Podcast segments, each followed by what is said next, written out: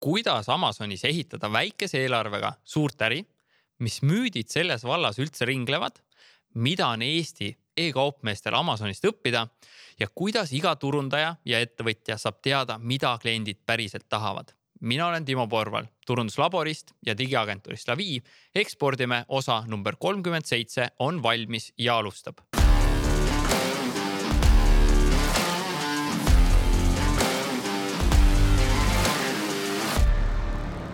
enne veel, kui läheme saate juurde, siis tule otsi Facebookist üles grupp Ekspordime ning tule sinna liikmeks, siis sa saad alati teada, kui uus osa ilmub.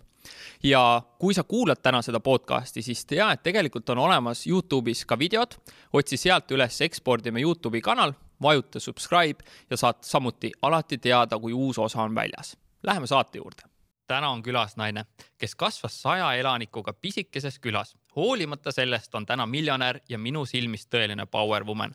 ta on suur eeskuju naistele, et kuidas olla tõeline naine ja teha samal ajal väga suurt äri. tema käes on hetkel suurim Eesti Amazoni äride exit. ta on hunt kriimsilma naisversioon ning lisaks palgatööle on teinud lastemööblit, pakkunud digiturundusteenust, arendanud sisearhitektuuri ettevõtet ja müünud turistinänni ning peale seda kõike avastaski ta enda jaoks Amazoni maailma. ta on vaieldamatult Eesti Amazoni kogukonna kuninganna ning on koos Mihkel Moosliga käima tõmmanud rahvusvahelise Amazoni kauplejate konverentsi, sest kartis ise laval olla, aga harjutada on ju vaja, mida suhtumist.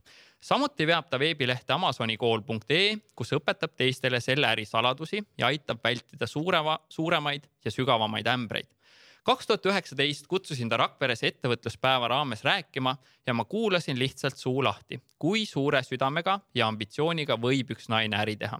Amazoni äri tõmbas ta käima perega Aasias olles, kui laps oli seitsmekuune ning seda kolme tunniga päevas, kella kümnest õhtul üheni öösel. üks tema põhimõtetest on, et iga probleem on tegelikult võimalus. lisaks kõigele on ta veel kolme lapse ema et kui sa ütled, et sul pole aega suuri asju ehitada, siis peame me mõlemad sinuga kuulaja asjad ümber vaatama. Egle Raadik tere tulemast podcasti Ekspordime. tere ja siis ma istun siin niimoodi, et jalad-tallad isegi maha ei mahu, et äh, ma ei tea, kui mind loodi nagu füüsilises versioonis, siis materjali väga palju polnud, kriis oli, aga ju siis äh, jäi seda vaimset poolt võib-olla natukene. ma arvan, et pandi sisse seda rohkem seda tahtejõudu. ja, täiega mingi kannad üleval okay.. aga me võime sinna rahapakid võib-olla alla panna oh või midagi. ei, tegelikult ma peaks selle asja ära klaarima, et, et ma, mul ei ole nagu mingid nullivirnad nagu pangakonto peal tegelikult, et äh, me oleme, alustasime pärast äh, Exitit kahe uue ettevõttega enamuse raha panime kahte uude ettevõttesse, nii et äh, Eestis mõnes mõttes ainulaadselt tegime seda, et mitte ei läinud Ibitsale, ei ostnud endale seal ridaelamut, vaid et äh, teeme seda, mis meil hästi välja tuli, teeme uuesti, oleme saanud vastu näppe, oleme praeguseks kaks uut ettevõtet uuesti seven figure ehk siis üle miljoni käibeliseks ettevõtteks kasvatanud ja oleme jälle exit'i teel vot see on tõeline ettevõtja mindset, et tegelikult sa ei oska ja sa ei taha, ma saan aru sellest mängust välja astuda astudes. mulle on... meeldib keerukus, mulle meeldib, et on palju hammasrattaid, aga ma pean ka tõdema, et meie noh, exit, mis oli Eesti suurim, ta tegelikult ajastus hästi halvasti. Covidiga meie äh, käive flatline'is ehk siis ei kasvanud enam, exit'it on vaja teha kaheteist kuu kasvu pealt see kadus ära ja see ikkagi päädes minu jaoks hästi suure läbipõlemisega, aga ma ei võta seda üldse nagu negatiivse noodiga, et äh, mõnikord, kui ma olen rääkimas käinud, siis äh, see läbipõlemise koht on sattunud alati sinna pealkirjadesse, aga minu meelest ettevõtjana me peame alati nagu piire katsetama ja kui sa oled vastamisi force majeure'iga nagu Covid, äh, nagu see, et sul käivet on vaja kasvatada, kui turg kukub tagant ära, on ju. pigem on see see, et kuidas ma jälle sealt õhust seda vett välja pigistan või kivist kooki jooki valmistan, onju. Äh, et mõnikord meie inimlik äh, füüsis lihtsalt ei pea sellele vastu, aga see ei ole midagi halba ja see ei ole midagi, millest ei saaks taastuda, sest minu mhm. meelest on nagu väga hea, kui sa korraks kõhuli lendad, siis sa saad vaadata, et kuidas ma siis edasi kõnnin, nii et ma ei lendaks rohkem kõhuli mm. -hmm. täiega avali nagu selle koha pealt, et seda ei ole vaja kuskile vaibanurga alla pühkida. Mõnikord see käib lihtsalt elu juurde jah, ja peale maratoni ka sul on li lihased ja liigesed mingi nädal aega valusad ja siis tõused püsti ja nagu jälle jooksed, vaata. ja ikka me teeme seda. aga selle läbipõlemise juurde me tuleme korra lõpus küll. ütle selle alguse juurest miks sulle just Amazon meeldima hakkas? mulle tohutult meeldivad äh, asjad, mis ei ole noh, niimoodi, et viis asja teen ära ja siis on tehtud, et seal on ju, me peame põhimõtteliselt äh, toimetama alates tootearendusest kuni kliendisuhtluseni välja, on ju, sinna vahele jääb tootmine üldiselt Eestist väljaspool, logistika, eh, rahvusvaheline turundus, eh, üldsegi toimetamine rahvusvahelisel platvormil. mulle meeldib, kui on palju elemente, mis on keerukad, mitte sellepärast, et ma ise oleks mingi ilgelt tark inimene, vaid sellepärast, et me kõik arvame, et keerulised asjad on keerulised. tegelikult ei ole ja siis, kui sa lähed keerulisi asju tegema, siis sa avastad, et oo siin ei olegi väga palju tegijaid sest kõik arvavad, et see on keeruline. tegelikult on lihtsalt see, et äh, sa hakkad peale üks samm korraga. Äh, logistika ei ole mingi tuumafüüsika, on ju, tuumafüüsika ja kõrgem matt on päriselt minu jaoks keerulised logistikas on lihtsalt see, et sa võtad kümnelt äh, logistikapartnerilt kümme pakkumist, võrdled, kes on kiirem ja parima hinnaga, mis seal siis nii keerulist on, eks ju. tootearenduses sa loed äh, klientide tagasisidet ja vaatad, mille üle nad kurvad on ja, või mida nad soovivad, mis seal siis keerulist on Äh, tootmises sa suhtled kahekümne tehasega, võtad parima pakkumise, mis seal siis keerulist on tegelikult ei ole ju keeruline -hmm. ja see on natuke nagu raamat äh, Red Ocean, Blue Ocean strategy, eks ju äh,. ma väga-väga julgustan äh, meie vaatajaid-kuulajaid seda raamatut lugema, sa küsisid raamatusoovitusi ka. tegelikult väga ei taha kunagi neid anda, aga see on täiega see raamat et äh, mis võtab ka põhimõtte, et iga probleem on võimalus, nii kui sa lähed mingist probleemist läbi, siis neid teisi mõõkalasid su kõrval, neid on nii palju vähem, sest et nad ise annavad alla, jõu, valge lipp, mingi probleem, ei, ei, ma ujun eemale. ei, otse probleemi, sest nii kui sealt läbi lähed. Ja üldiselt me ikkagi peame vastu päris, me oleme päris kohanemisvõimelised igasugusele BS-ile mm, -hmm. et äh, et me lähme läbi ja siis on hoopis teine maailm selle ees ikka nende edu taga on ikka see mindset lihtsalt. ütle, mis on selle järje, sinu järjepidevuse taga, kus sa selle saanud oled, on see kasvanud eluga, on see sulle kuidagi kodus kaasa antud? ma arvan, see on mu see saja elanikuga imearmas Pullerbi küla, kus ma kasvasin, et õige pisikesena ma juba märkasin, et muru kasvab ja, ja muud midagi ei toimu. ja väga tore oli küll mul oli sugulased, mul oli üliturvaline, mul oli väga toredad vanemad, mul oli sugulased, kelle juures ma sain hommikust õhtuni vanaema mõlemad kõik onju, sõin pannkooke ja elasin siukest väga idüllilist lapsepõlveelu. aga ma kuidagi kogu aeg igatsesin, et äh, ma teadsin, et Tallinnas toimub midagi, ma teadsin, et väljapool piiri toimub midagi.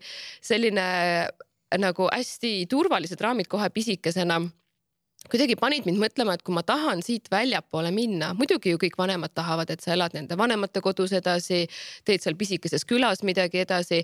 aga ma nägin ka, et inimesed seal noh, pisikeses kohas, noh, mina olen kaheksakümnendatel sündinud, et ikkagi kippus see viinaviga külge mm. tulema ja siis sa jääd seal oma traktoriga nokitsema ja naistest saavad sellised ülekaalulised põllekandjad, et kuidagi see ei olnud nagu ambitsioonikas eesmärk minu jaoks. Ja mõtlesin, et ma pean kuidagi ise nagu siit välja saama, ilmselt üpris pisikesena, ma mäletan, mul oli märkmik tüdrukule väga nagu äh, sookohaselt, mul oli pool märkmikku oli hobusepilte täis kleebitud ja siis äh, läbi ime meil seal väikses maakohas käis mingi ajaleht ka ja siis ma lõikasin sealt välja ettevõtjate, mingi kätlevad seal, siis oli mingi etiketi artiklid, siis ma, ma ei tea, kus ma selle võtsin, aga mingi kaheksa-üheksa aastasena ma kleepisin siukseid asju endale märkmikku wow., sest just see oli justkui nagu võti nagu väljapoole sellest pisikesest turvalisest ägedast kohast, kus ma olin, sest mu süda kuidagi tahtis enamat ka. see turvalisus oli juba olemas. aga ma teadsin, et ma pean nagu ise selleks midagi tegema, sest ma nägin, et kui ma ootan, et asjad jõuaks minuni, siis see koht, kus ma kasvasin, oli nii väike, et miski kunagi minuni ei jõudnud just ainult see ajaleht ja et seegi jõudis. isegi soome keel nagu jäi Tallinna piiri taha, vaata, ma olin nii pettunud, et ma isegi ei saanud Soome televisiooni vaadata aga seesama ikkagi järjepidevus, et kui need nagu ka Amazoni äris, need raskused on tulnud, need tagasilöögid, see Covid, kuidas sa siis sellel hetkel nagu mõtled ja sellest ikkagi läbi lähed ja edasi lähed ja võtad need järgmised exit'id ehitada oh my god, aga kui sa tead, et äh, iga probleemi taga on järgmine sinine ookean, mitte punane ookean.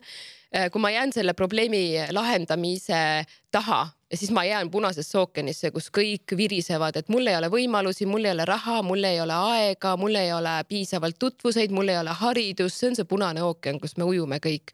ja siis meil on kõigil nii halb olla ja nagu õhku pole hingata ja äh, kui sa tead, et iga probleem on samm lähemale sinisele ookeanile, kuidas sa siis üldse nagu ei võta asju nagu noh, selle mindset'iga, et okei okay,, teeme siis ära, vaatame, mis siin siis on. keegi, Elon Musk ei ole ka sündinud kõikide nende crazy'de ideedega kohe rinnapiimast alates onju noh, ta ju läheb hoopis teise mindset'iga mm. peale, see on ju täpselt see, mis sind kasvatab edasi, su ettevõtet arendab edasi mm. -hmm. ma üldse ei saa aru, miks probleeme nimetatakse, need on tegelikult võimalused. just, mida rohkem sa neid lahendad, seda paremaks su enda elu läheb, nii lihtne ja, ongi onju. ja, aga noh, siin ongi see, et äh, tegelikult sa ei saa, isegi kui sa kuulad meid praegu äh, ma, ma, ma mõtlen, ma arvan, mu kõige suurem võib-olla sõnum ongi see, et ei ole vaja kuidagi nagu alt üles kuidagi põrnitseda, et oh my god, ta oli õigel ajal õiges kohas äh,. ta oli õiges riigis, ta oskas piisavalt inglise keelt, tal on piisavalt palju IT-tausta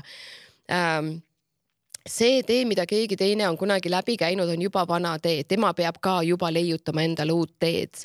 Äh, me ei saa kopeerida tegelikult mitte kellegi pealt midagi. kahe uue Amazoni ettevõtte loomise käigus me põletasime mingisugune kuue, korraliku kuuekohalise summa raha testides äh, uusi tooteid ja saades aru, et Amazoni ärimaastik on nii palju vahepeal muutunud, äh, et me vana mudeliga enam edasi minna ei saa. meil oli terve ettevõttega see probleem, et äh, kaksteist kuud teeme ilgelt tööd kümneliikmelise tiimiga ja meil ei tule mitte midagi torust välja ja siis, kui me lõpuks saime ettevõtte, mis tegi miljon dollarit käivet küll, aga kasumit ei ole ja siis sa ikka paned ikka, et vau, ma justkui nagu peaks teadma, mida ma teen ja mul ei ole kasumit, ma teen lihtsalt sipsimise pärast. hea hobi. jah, no hea hobi nagu, aga come on nagu, see on ikka päris intensiivne hobi, mm. et miks siis nagu kõik see, eks ju, et äh, väga oluline on see, et tegelikult me peame kogu aeg äh, mitte minema ja nagu edu saavutama, vaid kogu aeg nagu väikseid vigu tegema, suuri vigu tegema. vigade tegemine on ainuke asi, mis annab nagu järgmise selle prao seal plangus, kus sa saad läbi minna ja selle väärtuse koha leida. see muutub ajas kogu aeg nii et ei ole vaja nagu kuidagi mingi kümme sammu eduni, nagu seda tegelikult ei eksisteeri, sest see kogu aeg muutub ja sa näed seda ainult siis, kui sa oma varbaid ära lööd kogu aeg iga sammuga, siis lõpuks enam ei löö ikkagi õpime sellest valust. Mis on sinu ja teiste Amazoni kauplejate eelis või erisus kõikide teiste maailma tegijate ees? kas eestlasel on selline mingi eelis olemas? ja meil on megaeelis, sest mina ja Mihkel Moosel tegelikult, see oligi see hetk, noh, ilmselt mul oli see koht, kus ma tundsin, et oh my god, ma nagu päriselt nii tagasihoidlik tüdruk ja ma tegelikult päriselt olen ka, ma olen tegelikult introvertlik inimene. aga ma tundsin, et et äh, äkki see on ka üks võimalus, mida inimeseks olemist teelkonnal lihtsalt äh, kogeda äh,. et kui ma väga-väga kardan laval olla ja mul tekkis see tegelikult laulja, lapsel, lapslaulja karjäärist, et ühe korra ma läksin, samamoodi prožektorid olid näos ja kõik sõnad läksid meelest ära ja siis taustamuusika mängis ja mina seal olen laval ja siis õpetaja ei toonud mind lavalt ära, siis kogu see kaks minutit ma vaatasin publikut ja olin täielik friis ja pärast seda ma nagu lavainimesed, mitte kunagi enam ma seda ei tee. Ja kusjuures ma ei ole mitte kunagi pärast seda ka laulnud tegelikult, et see on üks järgmine äh, challenge, et laulda teiste inimeste ees uuesti. Ja mingi viis aastat tagasi ma tundsin, et vau, nagu tegelikult hästi paljud inimesed küsivad Amazoni rahvusvahelise ettevõtluse kohta. et äh, meil Eestis on mega toetav kogukond, sest me võtsime hoopis teise suhtumise et me ei hoia oma teadmisi enda jaoks. Eesti on nii väike, et äh, noh, pigem on meil vaja kokku hoida, mitte konkurentsi tekitada. Ja Amazon on nii suur, et isegi kui sina täna tuleks mulle konkurentiks, no mida, mis mul probleem selle asemel on, kui sakslane või ameeriklane võtab selle käibe ära, siis ma ei saa temaga suhelda äh, oma niši teadmiste vallas, aga sinuga ma saan kohvi minna jooma, me teeme suvepäevi äh,, talvel sööme mingi restoranis jõulude ajal koos, onju. me saame rääkida üksteise kogemusest. Ja siis oli täpselt see kombo, et vau, teadmisi tahaks jagada aga nii hirmus on järelikult tuleb panna olukorda, kus ma sealt välja ei saa rabeleda. kutsusin Mihkli, jõu, teeme konverentsi ja siis mingi päev enne konverentsi meil oli veel nii, et tol hetkel me panime ikka täiega hullu, et meil olid esinejad, aga me ise tegime ka mõlemad kaks ettekannet ühe tegime koos ja siis ühed veel eraldi ja siis eelmisel päeval kakskümmend kolm, viiskümmend viis saad aru, et oo, mul ei ole veel ühte ettekannet siis okay. siis nagu see, see oli nagu see, et äh, tegelikult sellised kogemused annavad äh, nagu pinnase, et vahet ei ole, mis on, ma jään ellu ikka oh,. ja siis sellel esimesel konverentsil oli veel see, et äh, avastasime keset konverentsi, et meil oli tunniajane ajaline auk jäänud sisse, et meil oli päevakavas niimoodi, et tund aega mitte ühtegi sisuelementi polnud, me lihtsalt kogemata kirjutasime ajad valesti. ja jälle üks koht, et okei okay,, mida, kuidas ma viie minutiga nüüd mõtlen välja, kuidas ma mängin selle konverentsi niimoodi ümber, et mitte keegi ei saa aru, et tegelikult on tund aega jäänud planeerimata mis tegite? me, me pikendasime kohvipausi ja lasime inimestel natukene kauem äh, lõunat süüa ja pikendasime Q and A ehk küsimuste-vastuste aega ja tegelikult sellega täidab ilusasti selle aja ära nii et saime hakkama, siukseid olukordi on kogu aeg, ma praegu isegi ei lähe enam närvi, kusjuures mul on jumalast äge, et mu tiim praegu üldse enam selliste olukordade peale ei lähe närvi. Äh, see on nagu see, et vau, mida elul veel pakkuda on, kui ma olen mingi üheksakümmend kaks ja ma olen mingi voodis onju.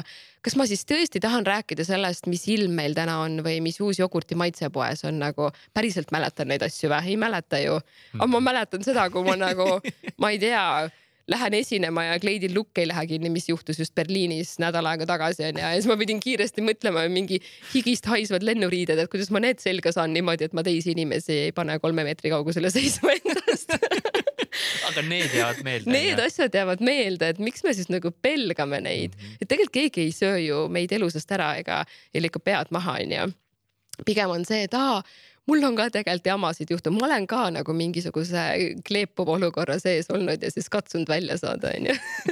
ütle, kuidas või mis nippe sa annaks veel lavahirmu ületamiseks, mis su enda peas toimus ja kui see okei okay,, see friis, see noorena, see on nagu, ma arvan, nagu väga hull. see on number olukord. üks hirm tegelikult inimestel, seista mm -hmm. lava peal ja teistele inimestele rääkida niimoodi, et sa ei lähe närvi. aga kuidas saada sellest eh, üle? Äh,. sinu nipid on? ja ma hästi pikalt olen töötanud sellega, loomulikult mul on endiselt ju mingi siukene sabin sees, kui sa lähed inimeste ette, ma arvan, et see on täiesti loomulik ja siin on pigem see, et ühe korra, kui mul oligi üks eelmine konverents, ma sattusin Roland Tokoga sinna ja siis ta tuletas mulle meelde asja, mida me ilmselt kõik teame, kes on lava peal käinud. et äh, ärevus ja elevus on kaks, äh, kahe, selle ühe mündi kaks külge, et kumba pidi sa seda flipid on ju endale laua peale. et kas sa tahad, inimesed tegelikult on tulnud ju kuulama sind, sest nad tahavad teada, mida sul on öelda nendele, et miks peaks olema hirmus mul jagada seda, mida mul on jagada, keegi ei ole tulnud kritiseerima, vaid saama mm -hmm. ja siis ma saan anda seda nendele. Ja kui ma selle mindset'iga lähen peale, siis mul ei ole seda, et oh my god, siin on kakssada, kolmsada silmapaari, nad kõik nagu, nagu umbes tahavad nagu ma ei tea, lintšida mind, ei mul on nendele just nagu, et see energia ei tule sealtpoolt siiapoole, vaid läheb siitpoolt siiapoole ja siis on justkui nagu tore, et seda, sul on silmside, võib-olla isegi mingi spontaanne nali tuleb ülla-ülla kuskilt välja, onju. Need alati tulevad Need tulevad ise Mm -hmm. või siis nagu mu kohati ma ei tea, ma ei ole saanud negatiivset tagasisidet, aga mõnikord ma isegi mõtlen, oh my god, ta nagu pahaseks ei saa, et ma niimoodi talle ütlesin, et nagu mõnikord ma ütlen nagu kriitilisi või nagu piiripealseid asju, aga siis ma saan aru, et tegelikult see on ka okei okay,, sest siis sa veitsa nagu raputad, et kui sa publikus oled, noh, see on arusaadav, kui sa kaheksa tundi järjest kuulad midagi, tegelikult peab olema veits piiri peal ka. et sa ei saa sihuke poliitiliselt korrektne ja lakutud ja kammitud olla kogu aeg. et fine, oleme siis nurgelised, ebataiuslikud ja no samamoodi nagu ettevõtluses, et paneme siis oma varbaga vastu kivi ja vahepeal on ouch ja köhin ja hääl läheb ära ja praegu ka nina kinni, aga no vahet ei ole. just, saab ju tehtud. jah, saab tehtud ega ja teisalt ongi see, et mis ma ise laval käies vahel jääb kriipima, pagan, ma oleks võinud seda öelda või teist mm, öelda ja mm. siis ma ühel päeval tabasin mõttelt, ega ju teised ei tea, et mul see ütlemata jäi. täpselt ja, ja mis on sinu olulisemad punktid ja õppetunnid olnud teel nullist kuni siis sinna esimese exit'ini? oo, see, me oleme hästi palju rääkinud mindset'ist praegu juba, ma ei hakka seda kohta mm, -hmm. et nagu iga probleem tegelikult viib sind sammu teistest, et konkurentsieelis ongi see, et ma lähen ja lahendan probleemi ära, see on sinu ainuke konkurentsieelis, sest et see maastik, kus me toimetame, see kogu aeg muutub. Ähm, järgmine koht on kindlasti see, et sul ei ole vaja rikkaid sugulasi, Harvardi ülikooli haridust me teame juba täna, et Eluülikool asub Youtube'is sisuliselt kõik koolitajad tegelikult teavad, et see tasuline sisu väga sageli on tasuta kättesaadav ka. isegi nagu mina õpetan eestlasi Amazonis äh, toimetama, eks ju, ma tean, et kui nad tahaksid, nad leiaksid analoogse sisu Youtube'ist inglise keeles ülesse, ma lihtsalt annan seda neile eesti keeles ja ma olen neil kakskümmend neli seitse forever nagu olemas, on ju. Äh, et see on minu lisandväärtus siia. Ilma, ilma rahata tegelikult saab alustada äh, hästi oluline on see, et lihtsalt kuskilt peale hakata, me, sa lugesid ette mu Hunt Kriimsilma karjääri, eks ju äh,. lastemööbel, turistinänn, kõik need asjad ma olen tegelikult pihta hakanud suht miinimumeelarvega, kasvatades kolme last, ehitades maja. ja siis oligi see, et jaa, mingi klassikaline eestlane käib mingi kaks korda aastas Egiptuses ja sõidab mingi veits normaalsema autoga ja ja noh, nagu ma ei tea, käib ikka restos ka, eks ju, ja siis sa seal saed seda senti ja ja siis mõtled, et tämid nagu, et tapeedi peaks seina panema, aga ettevõtlusega tahaks ka tegeleda. ja siis äh, kraabid kuskilt umanast lastele riided selga ja ei päriselt ka nagu mm. -hmm. ja see on tegelikult veitsa ikkagi prioriteetide küsimus et mismoodi sa siis arened, et kas sa arened tarbimises edasi või sa mhm. arened mm -hmm. nagu oma loomingus edasi. ja mulle tundub, et tegelikult meie hing on väga happy, kui me nagu loomingus areneme et see, et ma, mind näiteks ei näe kunagi ringi kõndimas mingi Armani või Gucci asjaga, nagu ma ei väärtusta seda lihtsalt, see ei anna mulle midagi, see on justkui nagu välised suled, aga need ei ole minu loodud suled. tore küll, et Armanil on sihuke bränd, aga äkki ma saan ise paremini. noh, ja siis mul on nagu palju sügavam nagu rahulolu ehk siis nagu raha iseenesest ei ole ka vaja, et vaja on lihtsalt minna ja ebaõnnestuda järjepidevalt ja tahtlikult oma lastele, mul on kaks äh, poissi ja väiksema tüdruk, no loomulikult poisid tahavad olla Youtube erid, eks ju, kes tänapäeval ei tahaks. ma ütlen, et äh, tulista mulle kümme videot, kus sa sakid täiega nagu sul ei ole vaja mitte kuskil näha nagu normaalne välja, sa ei pea inglise keelt korralikult rääkima, sul võivad mingisugused pausid sisse tulla. Brain freeze on ju, ma tahan näha neid kümmet videot ja siis ma toetan sind, mitte niimoodi, et jõu, sul on stuudiosisustus hakkab peale, on ju. Mhm. vaid et teed ise, teed telefoniga, räägid äh, seda keelt, mida sa praegu oskad. ja et sellest me hakkame peale, sest siis sa hakkad alles aru saama, kus on need väiksed nišid, kus on võimalused äh,, mis sind rohkem kõnetab, on ju et sa ei jää nagu iidolite järgimisse liiga palju kinni äh,. alles siis sa saad aru, mis teadmisi sul on vaja, sul ei ole vaja tegelikult meeletut, eks ju, hariduse pagasit, tutvuse pagasit äh,. Äh, ajaga on sama asi äh,. kellelgi meist tegelikult, no näita mulle eestlast, kellel on palju aega ma nagu, ei ole veel ühtegi, minu sõprusringkonnas täna ei ole mul on sama asi, kuigi kas sa tegelikult ei tahaks, et rohkem oleks aega? täiega, see on mul, ma arvan, et see on mu elu peatükis nagu nüüd järgmine asi, mida ma tahaks avada et kui mu õde helistab, kes peab hobuseid Paides, et jõu, tule ratsutame, siis mul on jaa, mul täiega aega selle jaoks, teeme mhm. kohe äh,. ma tahaks seda avada, aga ma tean, et kui ettevõtlusega alustada, siis see koht ei ole olemas.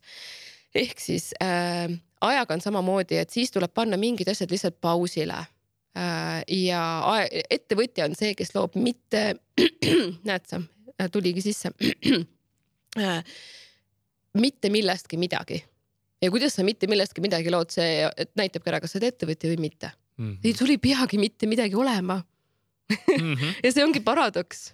Ja. ja kui sa arvad, et sul peab midagi olema, siis äh, sorry, aga sa valetad endale ja see on lihtsalt mask, mille taha sa peitud jah, sest me, need on need soovunelmad, aga need ei ole need päris tahtmised, mille nimel me tegelikult ja, nagu tegutseme. ja lihtsalt näide, et kuna kunagi hakkasin turistinänni müüma vanalinnas, siis ma ostsingi päriselt kümme valget tassi äh,. Läksin äh, mingisse printimistöökohta, lasin sinna mingi vintage asju peale trükkida. kõik oli suhteliselt ebatäiuslik, käisin turistipoes turistipoodi äh,, küsisin, et hei, kas teie klientuurile sobiksid need, kas sa tahaksid ja siis need näidised võeti müüki ja niimoodi hakkaski peale ja sealt hakkab juba raha tulema iga inimene suudab kümme valget asja välja osta mm. -hmm. ja see nagu sind kuulates, siis ma mäletan ka, kui sa seal Rakveres rääkisid, kuidas sul konteineri kaup, äh, konteineri täis kaupa läks. no see oli juba viiekohaline et, no, et seesama sinu teekond on olnud ka nagu justkui ebatäiuslik, aga tegelikult iga ämber viib sind nagu järjest ülespoole onju. ja, ja, ja. et lõpuks on vaja ikkagi nagu lihtsalt väljakule astuda ja mängima hakata onju. ja mitte imetleda kedagi, kes on midagi teinud, sest see on juba vana jama mm. -hmm mis on sellel teel olnud sinu kõige rõõmsam päev ja kõige mustem päev oh my god, need on kindlasti seotud, okei okay,, kõige mustem päev oli, need on kindlasti mõlemad Exitiga seotud, sest see oli lihtsalt nii kontrastne kogemus mu elus ma ütleks, et ma olen praegu kaheksakümmend viis protsenti seal, kus ma peaks olema taastumise teekonnal, eks ju mm. -hmm. see on olnud nii mega. Kõige mustem päev oli see, kui äh, Covid oli saabunud ja meil äh, käive flatline'is nii ilgelt ära, isegi hakkas allapoole minema ja siis me juba olime alustanud exit'i protseduuri. Äh, Amazon pani kinni meie põhitoote, mis tegi kolmsada tuhat dollarit kuus käivet ja see tootel polnud mitte midagi viga, Amazoni süsteem oli katki, kategooria ei tahtnud ära vahetuda, Amazonis ütles, et jõu, teil on vaja uus kategooria panna, me panime, midagi ei toimunud, noh, see oli see, kus me olime ai-ga silmitsi, ai muutis tagasi, me manuaalselt panime uuesti, ai muutus tagasi.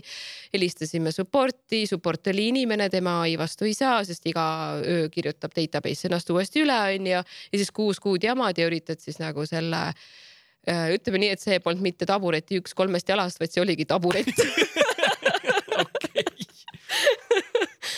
et see oli taburet, et siis mõtled OMG. Nonii kinni lahti, kinni lahti. Äh, me toimetasime kontori kategoorias, Covidi ajal kontori kategooria lendas korstnasse nagu reisi kategooria, sest ühtegi office'it ei renoveeritud, me põhiliselt teenindasime B2B kliente. Äh, jah väga nagu hapud ajad. Ja siis äh, exit'i konsultandid, no ilmselge oli see, et kogu see asi venib, seda me tahtsime nelja kuuga ära teha, see venis mingi kuueteist kuu peale.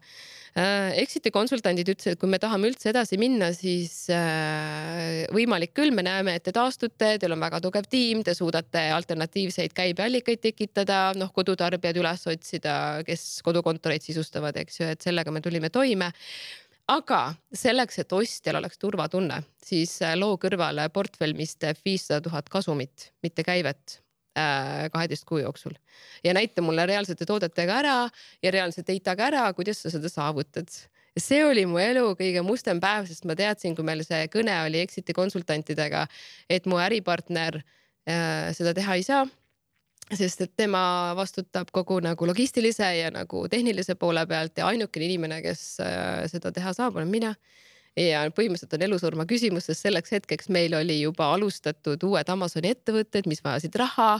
meil oli Hiina tarnijatele enam-vähem mingi kolmsada tuhat äh, dollarit maksmata, ehk siis nagu kui ma oleks oma korteri maha müünud, sellest poleks ka piisanud, sest see oli ainult sada tuhat midagi äh, olukord oli nagu selline, et mul ei olnud võimalik isegi nagu mõelda selle peale, et ma ei ütlen ehk siis ma ütlesin jaa sihuke naine. ja see oli väga hull, sest et ma ei mäleta sellest suvest mitte midagi, kui ainult seda, et ma tuhlasin, tegin Amazon product research'i ah,. pluss, mis sellest välja on tulnud, see, et tänapäeval, kui sa paned mind product research'i tegema ehk tooteotsingut ehk siis toode, mis reaalselt teeks head raha Amazonis me võtame sinuga arvutit välja, ma arvan, et ma kümne minutiga, viieteist minutiga leian sulle toote, millega sa saad alustada nagu päriselt ka, sest ma olen nii palju seda teinud korralik suvine trenn, ma saan aru. OMG, vaimne, vaimne kindlasti. Äh, see oli kõige crazy im hetk tegelikult äh, ja kõige toredam hetk oli äh, kuus kuud sealt see oli vist, see oli vist kakskümmend kaks detsember, kui meil oli perega, noh, mina, õde, ema ja vend, me teeme iga kolme nädala tagant äh, pere kokkusaamist, kus me räägime asjadest, mis on rasked. noh, ja mu pere on väga palju nagu hoidnud minu varemeid püsti, sest mina ise mingil hetkel ei ole suutnud neid varemeid püsti hoida. ma olen olnud lihtsalt nii kadunud nagu kogu selles protseduuris. Äh, ja meil oli järgmine kolme nädala tagune kokkusaamine. ja siis eksabikaasa saatis sõnumi, et exit'i rahad tulid üle. Wow. siis ma olin nagu, ma lihtsalt, ma olin nagu sulavõi keset seda vaipa, ma lihtsalt vajusin kokku, nagu mul tuleb pisarad silma praegu, sellepärast et see oli nii freaking uskumatu, sest see päev ei pidanud saabuma nii palju, sest isegi exit'i protseduuri ajal viimasel päeval ostja ütles äh, asju, mida nüüd ma tean, et tehakse tavaliselt, et nad muudavad lepingu tingimusi enam-vähem viiekümne üheksandal sekundil ja siis on võta või jäta ja, ja see on jällegi see, et oh my god, kuidas ma sellest välja tulen, ma olen juba nii väsinud. kas ma lähen edasi või ma ei lähe edasi, aga ma teadsin, et see tuleb, ehk siis nad ei saanud seda, mida nad tahtsid. Ja, ja kui see summa üle tuli, siis äh, ma lihtsalt, ma nagu, ma olin mingisuguses teises dimensioonis nagu ma lihtsalt, ma ei suutnud, ma, see oli nagu teine elu oleks hakanud peale, sest see, mis oli enne seda kuusteist kuud, see oli lihtsalt nii uskumatu kui ma sind kuulan, siis see on nagu ultrajooksmine, mille lõppu sa ei tea, millal see tuleb. ja kas sa sured enne ära või sa ei mm -hmm. sure, et ma kindlasti ei soovita ja ma kindlasti tahan, et see noot ei jää üles, et see on normaalne ettevõtlus, see oli lihtsalt kontori kategooria äh, Covidiga koos. Et äh, paljud ettevõtjad kannatasid Covidi all, eks ju, mul lihtsalt oli exit'i protseduur Covidi ajal äh, paraku nagu ajastatud, et see ei ole normaalne ettevõtlus aga ikka antakse kanda sellele, kes selle ära kannab suudab seda teha.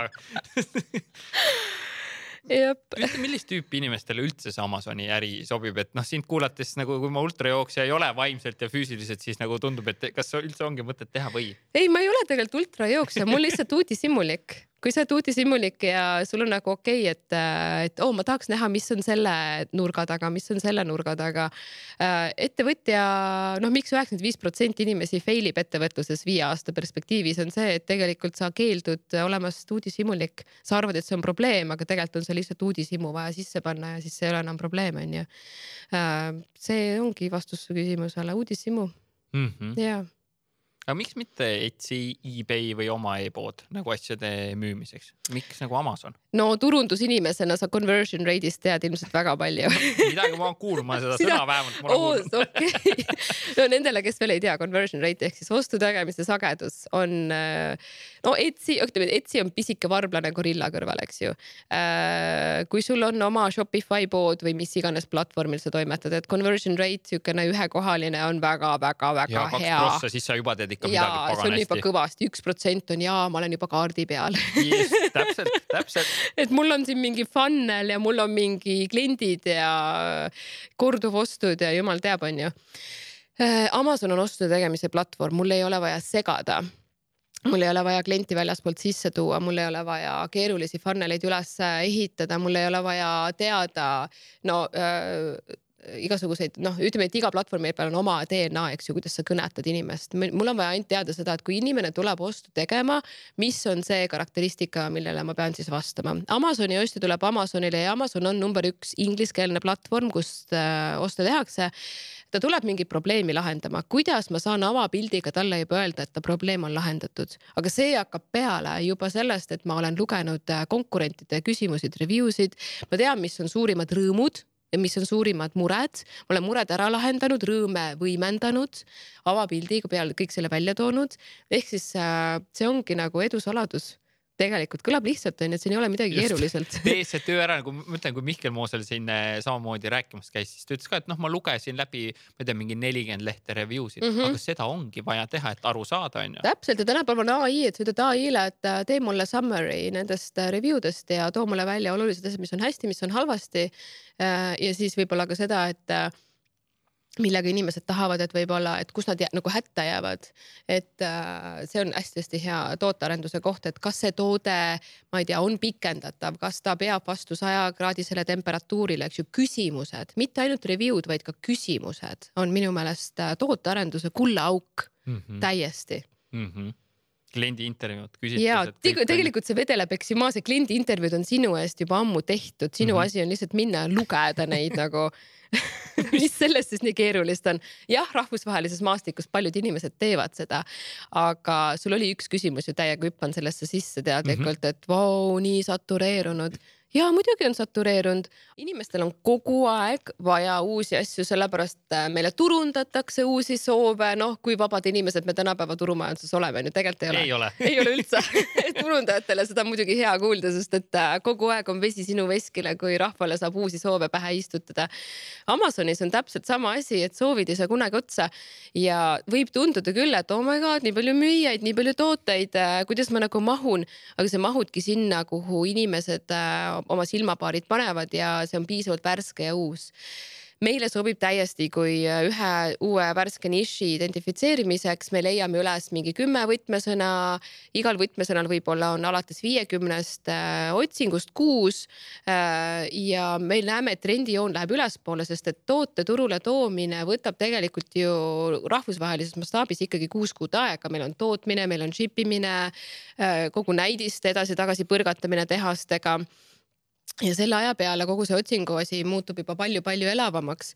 Ja meie praegune kahe ettevõtte ärimudel ongi selle peale üles ehitatud, et me ei topi ennast sinna, kus meil ruumi ei ole, vaid et me identifitseerime uusi värskeid nišše ja oleme õigel ajal kohal siis, kui no ütleme nii, et siis kui Arno isaga koolimajja jõuab, et et, et siis on juba ütleme, igav osa tunnist on läbi, et siis on juba elu käib, juba nagu rahvas tahab äh, ja Amazonis me alati näeme ka ära, kui suur on nõudlus äh, sellel ajahetkel, kui me tahame turule minna, sest see on kergesti prognoositav, me näeme ära konkurentide praegused käibed, paneme sinna aja mastaabis võib-olla üks-kaks kuud juurde, on ju. meil on õiged kogused äh, ja tähtis on see, et siis see avaleht, millega toode peaks välja tulema, avaleht on siis ütleme nii, et igal otsisõnal on oma avaleht, et seal ei ole üle poole lehekülje tooteid ees, meil on vaja tasuta nähtav olla, see on hästi-hästi oluline. Tänapäeva Amazoni äriedukuses. Sa mainisid väike nišš, ütle, mida see käibes väike nišš tähendab? no minu õpilased alustavad äh, nišš, no ütleme, et me leiame koos, kui nemad ei leia, siis igakuistel mastermind del me leiame tooteid, mis teevad kolm kuni seitse tuhat igakuist käivet. Äh, me ise alustame sellistest toodetest, mis on viiekohalise käibega, aga meil on rohkem kapitali. Äh, need on lihtsalt kallimad, keerulisemad, on mingi sertifikatsiooniga, vajavad rohkem tootearendust, äh, aga nende turuolukord on ikka samasugune. üle poole lehekülje konkurente ei ole, me keeldume minemast. näiteks võin ühe näite tuua täiesti reaalse toote näol. meil oli laste piltide kuivatamise rest Äh, ja kui me tooteotsingut tegime ja seda müüakse lasteaedadele, koolidele, Ameerikas on teine süsteem, õpetajad ja arstid ostavad ise oma asjad. meie klient oli õpetaja ja kui me tegime otsingut, siis me nägime, et meil oli enam-vähem neli-viis konkurenti äh, ja rohkem ei olnud. tegime parema toote, panime juurde nimesildid, äh, mingi kotikese, kus saab hoida, eks ju, igast aksessuaare veel ja siis, kui me oma tootmisega valmis saime, siis oli turg satureerunud, me olime juba tootmise eest maksnud ja turg oli satureerunud. Ja me ei läinud turule, sest et see oleks olnud äh, kaotus. Ehk siis äh, sa võtad oma kaotused piisavalt varakult vastu, piisavalt väikesena. me ei, kunagi ei äh, jää kinni oma romantilisse soovi, et oh my god, mul on tooted valmis, nüüd ma pean turule minema. Ma ei ole ju mingisugune digitaalne toode, mul füüsiliselt istuvad need laos sellepärast mulle digitooted meeldivad. Ühed ja nullid, mis ei istu mitte kuskil. Ainult sinu peas. Ja ainult minu peas kõva ketta peal võib-olla. jah, täpselt mm. -hmm. mis müüte veel on eh, selles valdkonnas, lisaks see, et noh, nii palju kauplejaid ja mul ei ole seal ruumi midagi teha, mis seal veel ringleb, mida sa näed enda koolit-? oh my god ja, ja mega, mega viga on see, et kui mul on mingi äh, oma ma ei tea, Wordpressi poes on mingisugune tekst ja pildid tehtud, et siis ma sellega lähen ja kõmmutan, onju. kindlasti mitte kõik pildid algusest lõpuni teed uuesti, sellepärast et Amazonis see on konvertimise keskkond, see ei ole mingi, et ma siin olen lihtsalt ilus, eks ju, et sellest ei piisa äh, alguses rääkisime, et äh, avapilt peab juba ära ütlema, mis on hästi, mis on halvasti, näidata ära, mida ma olen parandanud, on ju, mis iganes neuroturunduse võtteid sa saad kasutada. ma võin teha väikese summary, meil on kuus pildipinda, on ju. pilt on see põhimõtteliselt, mille järgi inimene ostab ära äh, toote sa võid limpsida ja teha teksti palju sa tahad, aga tekstis äh, on äh, sõnad, millega Amazon indekseerib ja rängib sind põhimõtteliselt hiljem ära, et see on rohkem Amazoni jaoks, pildid on kliendi jaoks. Äh, avapilt näitab siis ära su väärtuspakkumise, mis koos hinnaga, mis hind ei tohi olla kõrgem kui turul juba olev hinnavahemik, eks ju. et sa ei lähe mingi Stockmanni asja Maximas, ürit-, Maxima kliendile maha müüma, et seda sa ei tee noh, Amazon ongi veits nagu Maxima laadne, et me ei lähe siukse eksklusiivse käsitöökaubaga sinna väga peale. kuigi üks Eesti majatootja suutis ühe maja maha müüa seal, aga nad pidid cancel panema plaanile, sest nad ei arvestanud shipping ut sisse okei aga vähemalt maja on müüdud. aga maja on müüdud, käsitöö, kõik sobis ähm, Äh, avapilt näitab ära su väärtuspakkumise, järgmine on emotsioonipilt, mis näitab ära, kuidas klient äh, nii-öelda on siis olukorras, kus ta on lahendanud selle probleemi reaalselt ära, see on inimene, ta on õnnelik, kas ta on siis naine, mees, vanaema, laps, vahet ei ole.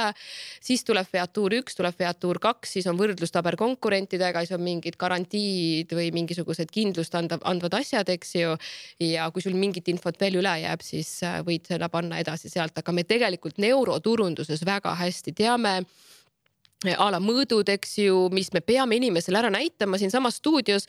kui ma tahaksin sedasama lillepotti müüa inimesele, ma ei pane lillepotti ja ma ei pane sinna numbreid kõrvale ja valge taust rahvas ei oska numbritest aru saada, nad ostavad nagu nii, paned Google'isse funny Amazon purchases, tüübid ostavad endale riidekappe, kummuteid ja pärast saavad paki kätte, et tegemist on nukumööbliga, sest et rahvas ei saa numbritest aru ja mhm. mina ise ka ei saa numbritest mhm. aru, ma tahan ka näha, kui ma seljakotti ostan, et kas ma näen välja nagu mingi kolmeaastane sellega, et see kott on nii suur või siis tegu on mingisugune noh, miniversiooniga, ma tahan näha seda inimese mm -hmm. juures. ehk siis, kui sa praegu peaksid sellest lillepotist tegema mõõdupilti, siis tegelikult see ongi ideaalne sina teed sinna, äh, salvestad, eks ju, see pott on siin ja ma panengi selle pisikese numbrilise mõõdu siiasamasse kõrvale. sina oled üks, klaas on üks ja siis see number on siin kolmas äh, indikaator, millega ma saan siis ma pean kuidagi saama sellest üle, et klient ei saa katsuda, nuusutada, mudida, käes hoida, kaalu tunnetada materjalis, et ma pean zoom in pilte panema, onju.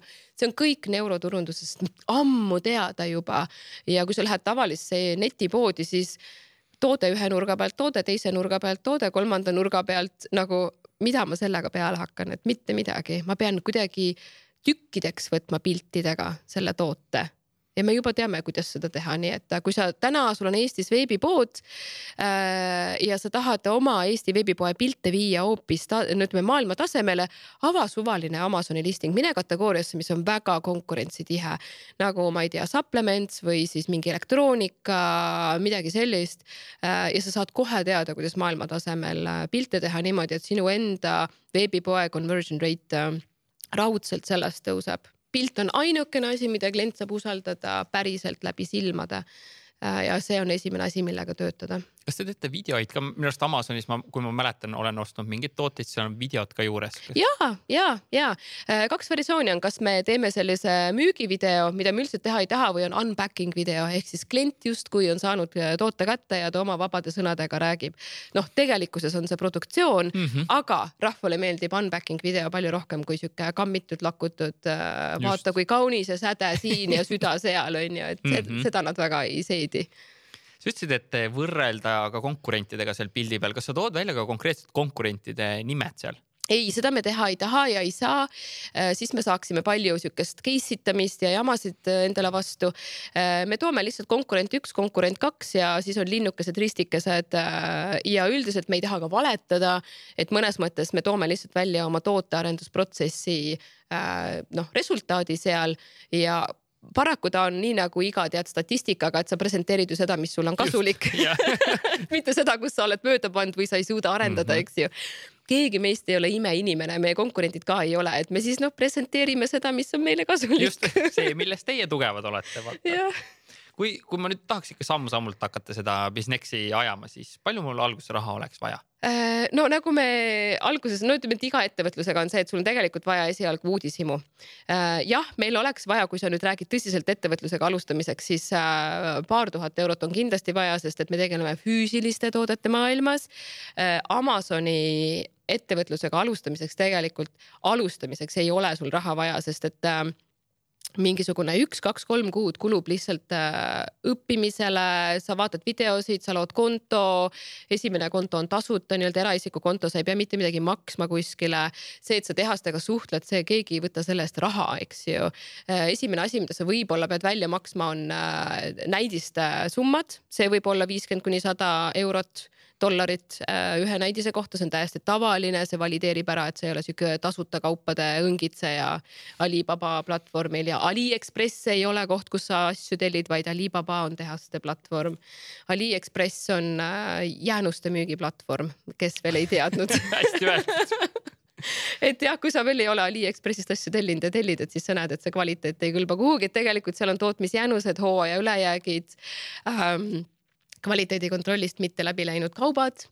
et ole ettevaatlik siis, et sa prügimajandusse ei panustaks liiga palju ja järgmise kuluna, nojah, kui näidiseid põrgatada, siis samal ajal, mida mina oma ettevõtjatelt nõuan, on see, et me teeme, me läheme, ma ei tea, Selverisse, sa ostad ära kas paari sokke, mingisuguse karakteristikaga, ma ei tea, kas mingi kulbi või siis äh, ma ei tea, noh, mingid salfad, mis on mingi disainiga, meil on vaja mingit keyword'i, otsisõna, näiteks äh, konnadega sokid. Äh, ja me teeme testsaadetise niimoodi, et me, me harjutame Amazoni lattokauba saatmist, me harjutame listingu tegemist, me harjutame piltide tegemist, kogu see protseduur maksab sulle samamoodi umbes sada eurot, noh, see kaup pluss ship imine pluss mis iganes, ma ei tea, mis sul sinna veel juurde läheb, tegelikult mitte palju. Ja enne kui me läheme üldse tuhandeid eurosid kulutama päris füüsiliste toodete ja sadade tükkide peale Äh, me oleme nagu läbi kogu selle protseduuri teinud, et ei juhtu sama asi nagu mul juhtus Indoneesia konteineriga, et ma pidin selle hülgama ja viiekohalise summa lihtsalt äh, korstnasse kirjutama, et see oli päris tugev nagu sihuke väänamise tunne tol hetkel, kui ütleme, on kolm last ja ikka ehitad veel maja edasi ja ikka veel proovid seda edu saavutada ja siis on viiekohaline lätakas vastu nägu. tahaks ju selle tapeedi ikka seina panna no, ja nüüd jälle ei saa. no ja see liist ju ka võiks tekkida mingil hetkel, aga see ei ole lihtsalt prioriteet mm. -hmm ähm,. tänapäeval ma olen oma ettevõtjatega läinud täiesti seda teed et kui me leiame hea turu äh,, turud kasvavad sisuliselt alati, seda, see on võimalik numbriliselt ja graafikuliselt tõestada, siis äh, et kas ta liigub allapoole või ülespoole, eks ju, et meil on täiesti okei okay,, kui me alustame tootega, mis äh, konkurendiga äh,, kes teeb kolm tuhat dollarit äh, kuukäivet, sellepärast et äh, selle tootmismaksumus äh, noh, ta kindlasti ei lähe sul, no ütleme, et sul on vaja umbes tuhat äh, dollarit äh, sihukest algkapitali kindlasti. E, ja ma ei tahagi, et ettevõtjad hakkavad suuremate summadega peale, sest et meil on vaja harjutada kõiki, seal on äh, viiskümmend kaheksa hammasratast, mis peavad koos jooksma. miks sa lähed peale suure ambitsiooniga, et oo, mul on vaja sadu tuhandeid homseks pangakontole, eks ju. kõik on võimalik, aga sa ei tea ju, mida sa teed. ja kui sa selle kolmetuhandelise kuukäibe oled kätte saanud, järgmine eesmärk on nelikümmend tuhat -hmm vot see ongi see meeste ja naiste erinevus, mehed läheks lihtsalt davai, ambitsioon maailma vallutamise, oled ise seal hammasrataste vahel, naised tegelevad targu. No, võib-olla, aga noh, ega on ka nii, on ka selliseid Amazoni ettevõtjaid, kelle esimene toode on kohe õnnestunud. Äh,. täiesti olemas, aga noh, elu ikkagi näitab, et statistika ei ole selle poole peal statistika on ikka seal, et autš, valus oli, midagi läks pekki, midagi võiks nüüd õppida sellest, eks ju äh,. nii et ma hästi palju tegelen oma ettevõtjatega, nad annavad mulle oma välja töötatud tooteideed ja siis me vaatame, et vau wow, ikka on nagu pekkis on ju, et ma tean, ja see on see õpiprotsess, sinna tulebki sisse astuda ideaalne on tõesti see, kui sul on mingi kümme tuhat kontol ja sa saad võib-olla õppida niimoodi, et sa kolm-neli toodet saad kohe järjest ära teha tuhande, kahe tuhandega saad pihta hakata, sa saad juba toimetama hakata. nüüd märkama peab kindlasti seda, et Amazoni ettevõtlus ei ole koht, kus sa võtad äh, esimese pooleteist aasta jooksul raha välja. see on koht, kus sa tahad sisse panna kui sa kasvad, siis äh, su kogused suurenevad, sul on vaja tootmine kinni maksta äh,. kui sul on ambitsiooni, kui sa ei taha kinni jääda viie tuhandesse kuukäibesse, mida me kindlasti ei taha, sest et äh, no üks minu õpilasi näiteks suhteliselt üksinda suutis pooleteist aastaga miljoni ettevõtte püsti panna kiiremini kui ma ise. no aga see äh, ongi hea õpetaja tunnus. Mm, ta ei võtnud raha välja mm. -hmm. ta pani kõik tagasi ja samamoodi mingi nali meil oli Eesti Amazoni ettevõtjate seas äh, just siis, kui me kogukonnana ennast üles töötasime see oli üks, äh, üks kolm aastat tagasi. me kõik äh, suhteliselt töötasime samast ühistöökohast Spring Hub ja siis meie autod olid kõige logumad sest meil ei olnud raha, et osta uusi autosid, kõik panid oma mingis villistega ringi enam-vähem mm, -hmm. millel olid eelmise hooaja rehvid all onju.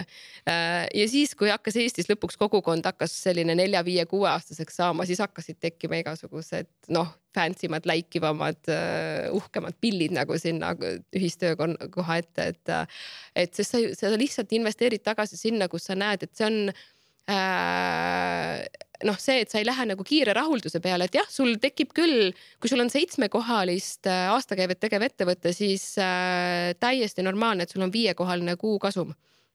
sa ei löö seda laiaks sa paned selle tootmisse ja sa otsid uusi tooteid Amazoni ettevõtte kasvatamises on hästi tavaline, et kui sa tahad teha sellist äh, noh, keskmist äh, seven figure ettevõtet, mis teeb siis käivet, ma ei tea, neli kuni kuus miljonit aastas, siis sul on vaja kakskümmend viis toodet.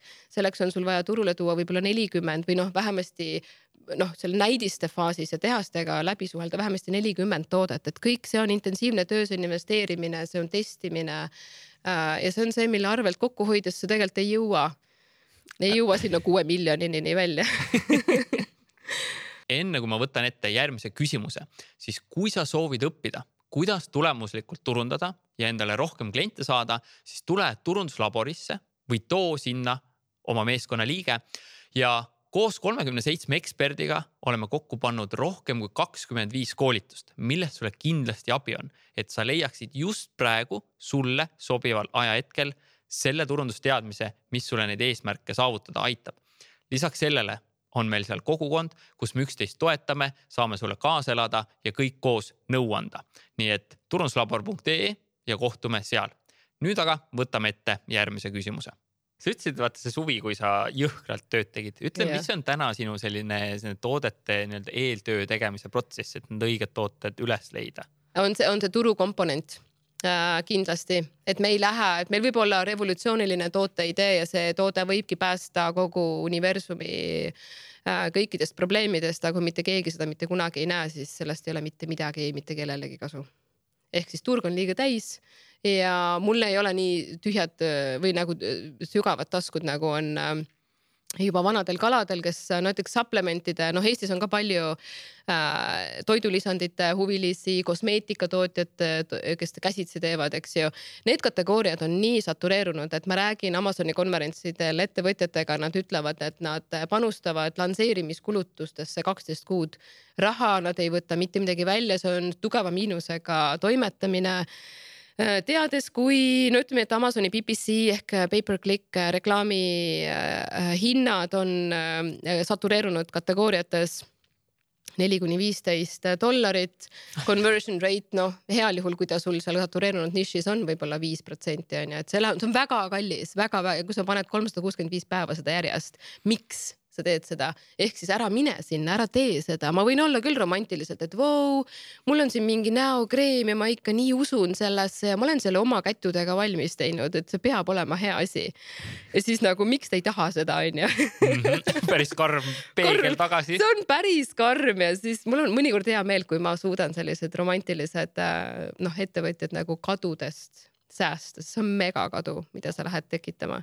et müü seda spaades, butiikides, käsitööpoodides, aga mitte Amazonis mm. -hmm. jah ja, ja vaja... nüüd läheme turule, kus meid tahetakse just noh, nagu sa ütlesid, et inimene tuleb Amazoni ostma, müü talle seda, mida ta tuleb ostma. täpselt ja see on ka see, et, et sa ei taha konkurentsi liiga palju enda juurde, et mine sinna turule, kus sul ei ole konkurente. meil on ju data kõik käes mm -hmm.. noh, et milles on see vabandus siis nagu? kus see data mul eh, tuleb äh,, kust ma tean neid numbreid, mida konkurent? Need numbrid tõmmatakse, noh, Amazon ise ei väljasta neid, aga neid on võimalik scrape ida, ma ei tea, kuidas eestikeelne vaste on ja selleks on arendatud kolmanda osapoole tarkvarad, nagu üks on näiteks helium10.com, junglescout.com äh,. mingid tasuta versioonid on täiesti ka kuulajale-vaatajale, lihtsalt laadid alla ja sa saad sealt konkurentide tükimüügid kuus äh,, kuu käibed, sa, seal on olemas eelarve eelarvestamise tööriistad, seal on olemas äh, juba ai, et äh, sa saad mingi summary headest ja halbadest karakteristikatest selle toote kohta, nii et äh, mega lihtsaks on tehtud ja noh, kui sa oled väga data põhine, et siis ostad omal selle kuu liikmelisuse ja pane tullu ja siis on sul sisuliselt kõik andmed käes. Amazon täna juba ise väljastab näiteks äh, search term conversion rate'i ehk siis kui ma panen sisse punane mees või see sinine meeste triiksärk, äh, siis mis tooted teevad kõige suuremat conversion'it ehk siis nagu noh, ma ei tea, mida veel sa võiks tahta. jah, eks ole ma mõtlen isegi Eesti e-poe omanikuna on see, et kui ma mõtlen, et mis tooteid ka siin mul on võib-olla oma e-pood turule tuua, siis tegelikult neid tööriistu kasutades, saades aru, mida inimesed Amazonist ostavad, võiks ka tegelikult nad siit osta. sa saad level up'i teha mitte ainult ühekordselt, vaid ma ei tea, ühe esimesest korrusest viiendani hüpata kohe, sest et see on rahvusvaheline väga karm konkurents, kus me oleme ja kui sa võtad need tööriistad ja paned Eesti e-poest tööle nagu kasvõi seesama piltide loogika, siis sa oled juba üle küla poiss ainult puhtalt sellega kas Eestis on mõni e-pood, kus sa oled näinud, et vot no tõesti head tootepildid on, mida kuulaja-vaataja saaks minna ja vaadata? tead, ei ole, sest et ma toimetan ainult äh, rahvusvahelistes vetes mm. -hmm. ja, aga ma tean, et kui ettevõtjad tulevad minu poole ja ütlevad, et vau, mul on siin ilgelt äge toode, teeme, läheme ja siis, kui ta mulle pildid saadab, siis need ikka sakivad big time nagu jah, seal ei ole neuroturunduse äh, printsiipe väga äh, rakendatud. Äh, eestlane Peep Laja minu meelest teeb Conversion XL-iga imelist tööd neuroturunduse ja tal on ju Eestis seminarid, konverentsid ka, eks ju, et minu viimane küll jäi ära, aga kes vähegi neuroturundust tahab hingata ja sisse võtta, siis nagu Peep Laja näpud püsti nagu ma ei tea paremat tüüpi kui see tõesti, seal on nagu teadustestimised taga, et jah, CXL Live vist on selle nimi, mida nad Laulasmaal teevad, et tõesti maailma tippude tipud käivad. täiesti koos. fenomenaalne tüüp nagu. on küll, on ja, küll. ja kananahk tuleb peale nagu ja ta on jälle Eesti tüüp on ju. mul tegelikult täiega sobib see, et meil siin Eestis, eks ju, sihukest manjana ilma väga ei ole, et me ikkagi peame peame ikkagi nagu, et meil oleks tore ja huvitav, me peame tegelikult panustama nagu seda brain power'it, mis meil kahe kõrva vahel on. mitte, et aa, mul on elu tore ka, kui mul lihtsalt palm, palm on nagu ees ja kokteil on käes, et meil ei ole seda antud, aga see on meie tugevus et, äh, et me ei saa nagu laiselda lihtsalt liiga, palju väljas mm. -hmm. ja nii palju ägedaid inimesi tuleb pisikesest äh, halva suusailmaga Eestisse, sest meil pole lihtsalt mitte midagi muud teha. just ja teisalt me oleme harjunud planeerima tegema, sest muidu me oleks lihtsalt talvel nälga surnud. täiega nagu tuleb tänulik olla selle äh, viiekümne halli varjundi eest, mis meil kogu aeg lihtsalt taevas on minu meelest ma ei ole küll sada protsenti nõus onju, et ma tänulik olen, aga fine, ma nõustun sellega tegelikult eks me saame ära käia vahepeal vaata Eh, toote arendamisest eh, sa rääkisidki, et noh, seda on vaja nagu täna teha, et eristuda. mida selle toote arendamise juures sina õppinud oled kogu selle aja jooksul? Sa oled äh, õppetunde saanud? Äh, et äh, tootearenduses mega suur õppetund on see, et me peame äh,, mäng käib selle ümber, et sa hinda ei tõsta, aga su toode läheb paremaks võrreldes konkurentidega. kuidas sa seda teed, see matemaatika justkui nagu ei lähe kokku äh,. aga alati saab, näiteks puit, käepideme saab vahetada, silikon käepideme vastu, värvi saab vahetada, sa saad peale trükkida mustrit, sa saad kaasa anda kaks senti maksva mingisuguse kleebitava konksu, kruvid Äh, noh, nii-öelda Amazonis on olemas frequently bought together isegi, eks ju, et sa võid pandeldada ehk siis komplekttooteid äh, luua äh, nii et kui sa suudad välja mõelda, kuidas minu toode on parem niimoodi, et ma hinda ei tõsta, siis sa oled selle mängu täielik kunn mm. -hmm. ja see tegelikult on võimalik, see tegelikult on. no on... seda me teeme igapäevaselt ja sul on olemas ikkagi spetsialistid, kes tegelevad tootearendusega tiimis või sa ütlesid, et kümneliikmeline tiim, et kuidas mm -hmm. see tiim jaguneb nagu mis on nende tiimiliikmete rollid mm? -hmm. mõlemal ettevõttel on oma portfelli juht, äh, siis on kahe ettevõtte peale äh, on üldine juht Äh, minu eksabikaasa aitab üldisel juhil jooksutada kõiki mui-, igast protsesse. Äh, siis meil on logistikainimene, siis äh, meie teadmiste kogumise jaoks on meil Amazoni kooli juht veel. Filipiinidel on assistent. mina aitan kaks päeva nädalas tooteid valideerida, et nad jõuaksid õigele turule õige väärtuspakkumisega. et me, me oleme lihtsalt nii palju kõrvetanud oma rahasid, et, et seda ei taha teha ja noh, ütleme lihtsalt, seda kogemust on juba nii palju, et ma selles protsessis mega hea meelega olen kaasas ja see on mega-mega huvitav, kui sa avastad jälle, et oh my god, inimesed ostavad selliseid asju või selliste rahade eest või mm,. see on ikka reaalselt nagu kullaaugu leidmine, ma saan aru, onju. see veits on ja siis sa saad aru, et tegelikult need kullasooned kogu aeg tekivad juurde ja meie asi ongi nagu välja sniffida, et kus kohas need järgmised kohad nagu, nagu nina vee peale panevad, onju, et see on hästi, see on nagu detektiivi töö et see minu meelest ei muutu mitte kunagi igavaks ja kuna ma tean, et meil on, me oleme tiimis äh, kokku, meil on nii hea, me, keegi pole professionaalne tootearendaja äh,. aga me juba enam-vähem oskame aru saada, mida me peaksime tegema selle tootega, ilma et me peame hakkama oma mingit tohutut patenteeritud lahendust, eks ju, tegema, et me kuna, meil ei ole ühtegi patenti, meil ei, isegi pole disainipatenti onju, et ainuke asi, millega me kaitseme ennast, on trademark ja see on suuresti sellepärast, et meil on Amazonis siis rohkem turundusvõimalusi lahti. E, et äh, igasugused ongi needsamad asjad, mis ma sulle äh, loetlesin ette, need ongi meie tööriistad, et mitte midagi keerulist ei ole sa ei pea jalgratast leiutama selleks, et jalgratast müüa kas te teete Amazonis reklaami ka, Mihkel Moosel rääkis väga palju, et tema mm -hmm. teeb mhm. seda BBC-d, kas sina lihtsalt otsidki need nišid ja tühimikud, kus ei pea tegema või te kasutate ja. seda kui ühte meie ärimudel on natuke teistsugune ilmselt kui Mihkli oma, et me ei, meie läheme turule, kus me oleme ka niisama tasuta nähtavad. Äh, me ei taha kulutada väga palju reklaamiraha, et me pigem tahame minna selle laine peale, mis just hakkab tõusma.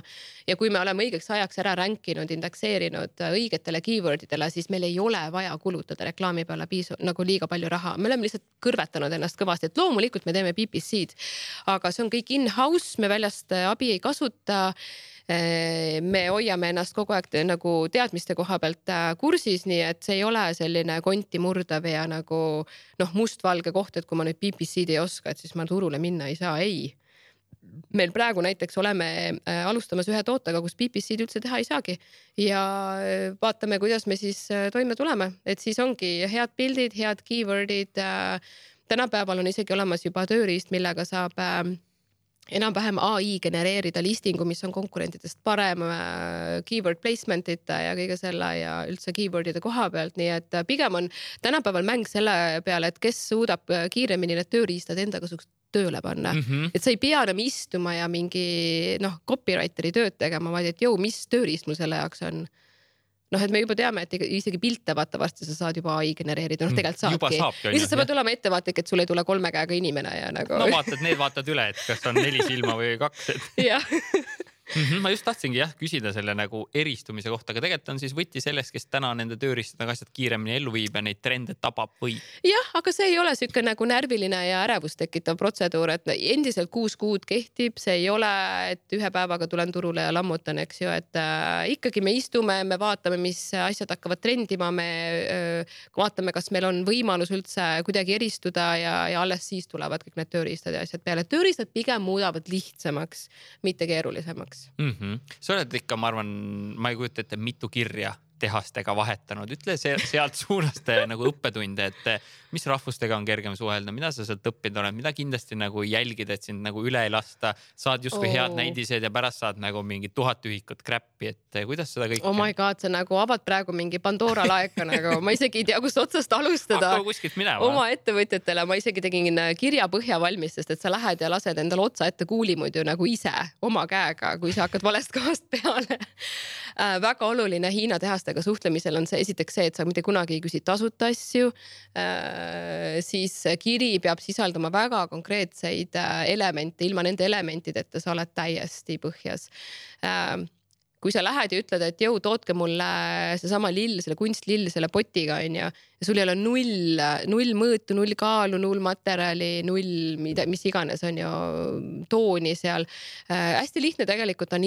Alibabas võtta, iga tootja on äh, kõik need äh, spekid ehk noh, see on see spec sheet. kui sa lähed midagi tellima ilma spec sheet'ita, siis nagu tootja on nagu come again nagu mida sa tahad, et nagu kui suur, kui, mis materjal, eks ju, nii palju erinevaid võimalusi on toota asju äh,. alustades sellest, et sa ei tea, mida sa tellid äh,. lõpetades sellega, et äh, sa kirjutad Hotmaili, Gmaili, hot.ee aadressilt, mis on nagu big no-no, seda ei tohi kunagi teha äh,. alati sa pead tegema valmis endale sellise one pager'i, registreerid ära kasvõi ma ei tea, zone ees mingisugune European äh, factory dot com, dot com äh, mingi domeeni, vahet ei ole, mis ta on, ta on midagi general asi olema, onju. paned sinna, et me oleme, ma ei tea, oleme tootja suurtele kettidele, ma ei tea, nišipoodidele, tegutseme kodu, aia ja ma ei tea, mis iganes äh, kategooriates, eks ju, noh, lood sellise nagu kuvandi sellest, mis sa tulevikus olla tahad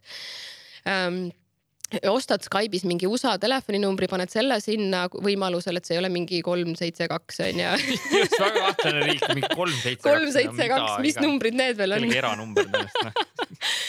et äh, kõik need asjad on tehtavad, eks ju, ja siis sul on domeen olemas, .com lõpuga domeen ja siis sa ei lähe kunagi küsima, et aa, tehke mulle mingi viis tükki neid, et siis alati võtad, äh, võtad viissada, viis tuhat, kümme tuhat, küsid erinevaid hindu, et vaata täpselt see, et, et kas sa räägid tehastega nende keelt või sa lähed sinna ja siis jõu, mina siin, tehke midagi noh. mida nad ma siis teevad. Paidest äh, tootja. Nendel jah, nendel on siis see, et jõu, kott pähe nagu mm. -hmm, mm -hmm. esimesena muidugi, nad kulutavad nii palju aega, et hakata sinu käest küsima seda, et äh, et mis kogused, mis spekid, mis, äh, mis tähtajad sul on vaja, on ju, mis payment term'e sa taga ajad, eks ju aga seda kõike paned Google'isse ja doktor Google aitab välja, et ei ole vaja leiutada jällegi mm. -hmm lihtsalt hoida uudishimu, mitte seda hirmu. Kas sa käid, oled nendes tehastes käinud ka enne suurema koguse tootmist koha peal, oled sa käinud kuskil Hiina messidel, kus ma tean, et osad nagu käivad või kuidas? ja, ja meil tiimiliige just käis, ütles, et see on väga-väga vajalik, aga see ei ole kohustuslik, kui sa pihta hakkad. jälle üks müüt meil ei ole vaja hiinlastega füüsiliselt kohtuda, enne kui me pihta hakkame, et hiljem, kui sa tahad saada veel suurematele kogustele veel paremaid tingimusi Äh, või leida koostööpartnereid, kes teevad mingi lisandvidinaid, eks ju, siit lähedalt, siis sa umbes, nad võtavad sind, viivad sind oma autoga ja sõidavad või tahad pakenditehast lähedalt, tahad läbi käia, on ju, siis on kõik väga vajalik. või tahad oma noh, tootmisdisaini läbi arutada, et kuidas me saame siit kokku hoida seitsekümmend senti, on ju, et siis sa istud seal tehases ja arutad nende inseneridega, kes üldjuhul väga inglise keelt ei räägi, aga kogu tiim on olemas, et siis saab ikka, et meili teel siukseid asju on raske teha äh, alguses piisab täiesti Alibaba keskkonnast äh, ja piisab sellest, et äh, sa tellid näidised ära mitte ühelt, vaid vähemasti kolmelt tehaselt. Ja sa tuled turule, sa ei lähe suurte kogustega ju näguni peale, et äh, üldjuhul me alustame paarisaja tükiga ja, ja noh, siin ei ole midagi sellist, et sel-, et sellise kogusega sa väga suuri allahindluseid kahjuks ei suuda välja rääkida endale et kui sa oled seal juba viisteist kuni viiskümmend tuhat, no siis juba jõu istume, räägime onju. et siis on vaja minna kohale äh,. esialgne töö on, on tõesti meiliga, hiinlased räägivad väga hästi ja miks ma räägin ikkagi Hiinast, on see, et nad on maailmatehas endiselt ja ilmselt ka tulevikus. ära palun mine kuskile, ma ei tea, Kambodžasse või äh, Mehhikosse nagu esimese hooga, sest et neil ei ole see Amazoni infra nagu nii hästi selge, see on peamine põhjus, miks me Indoneesia tehasega koostöös viiekohalise põmmu vastu võtsime, sest nemad vormistasid tollidokumendid valesti, tooted olid kõik õigesti, aga nemad tegid asjad valesti, nad lihtsalt ei oska ja siis sa õpetad neid, aga kas sa tahad reaalselt kogu seda asja kinni maksta et äh, teed hiinlastega, neil on jumala hea hinna-kvaliteedi suhe endiselt ja sa ei tee Eestis, sorry nagu. Eestis me tahame liiga palju palka saada, kui me toodame midagi. väga vähesed ja suured ettevõtted suudavad seda teha, Vendre äh,, Hansa Candle. sa ei ole Vendre ega Hansa Candle, sa oled ja. väike mees koeraga, kui sa alustad ja sa ei suuda iial seda mastaabisäästu saavutada. teine asi, mis on hästi suur valearusaam, on see, et ma toodan Hiinas valmis, ma toon Eestisse, ma inspekteerin ise ära äh, ja siis ma saadan Ameerika lattu nagu never ei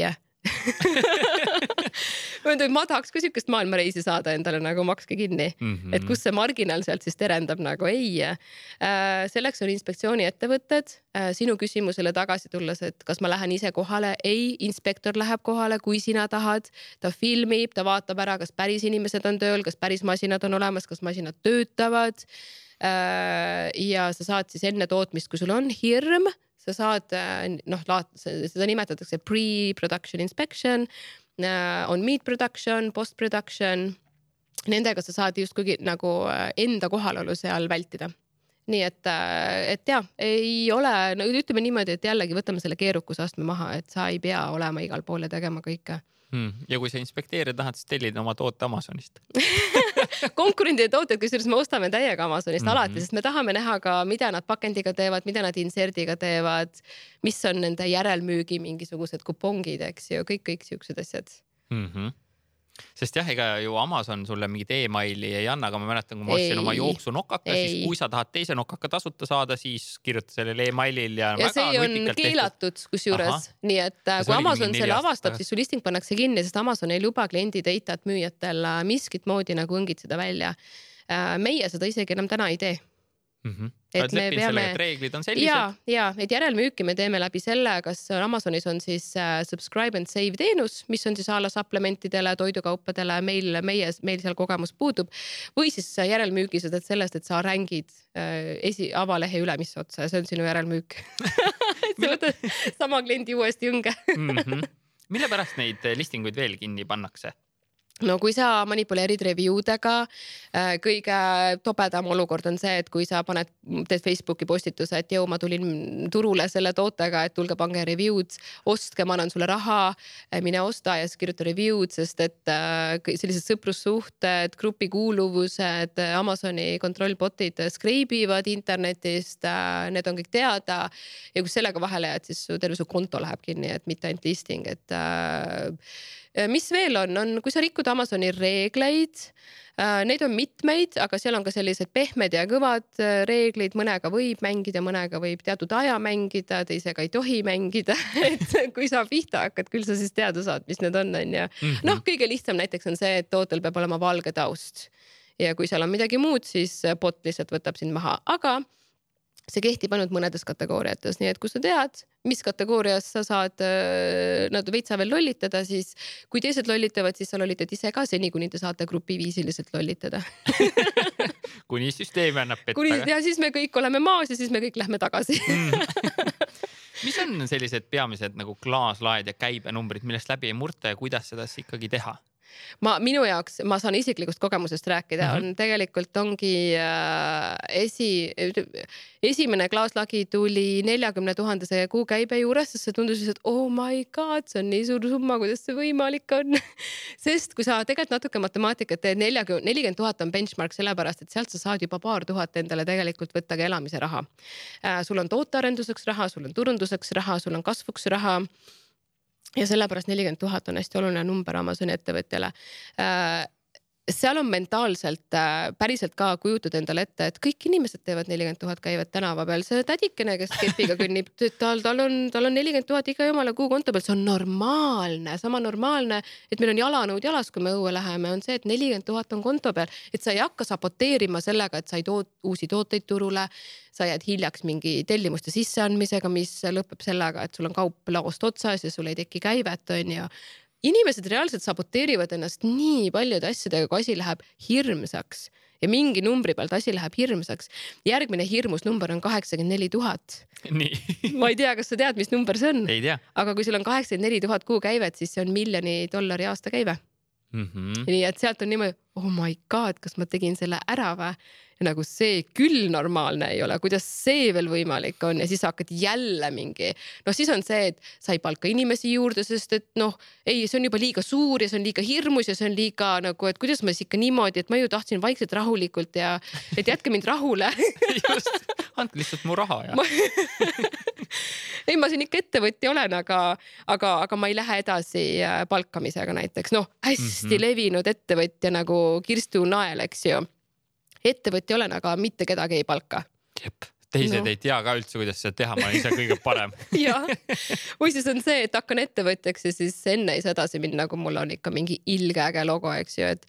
et äh, Amazonis toimetades ma täiega keelan isegi brändi nimesid panna niimoodi, et nad oleks spetsiifilised, meil peab olema geneeriline brändi nimi, mille alt ma saan müüa beebimähkmeid ja mootoriõli sest tegelikult mitte kunagi turgu otsides ei äh, tea ära, meil ei ole seda kohta, et ma istun siin, ma olen mingi noor ema, mul on siin beebi, mõtlen, vau, ma teeks mingi lastetooteid, sest mul on ju beebi ja siis ma saan pilte teha ja kõik see on nii romantiline. ei, ma alustan niimoodi, et ma võtan eesmärgi testida läbi kolm-neli erineva kategooria toodet.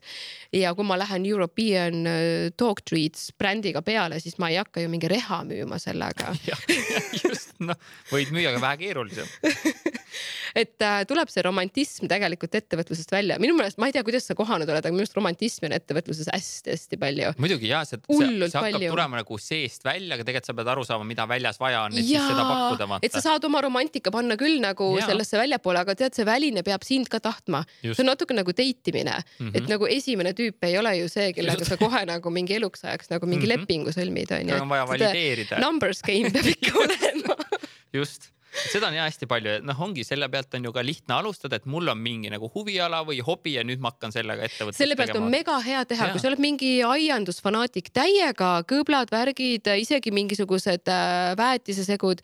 sa ei pea olema keemik selleks on ju, kõik on ju tegelikult konkurentidel on ju ingredient list, su tehased oskavad teha, neil on mingi compliance juba tehtud, et sa ei pea kõike hakkama laboris tegema.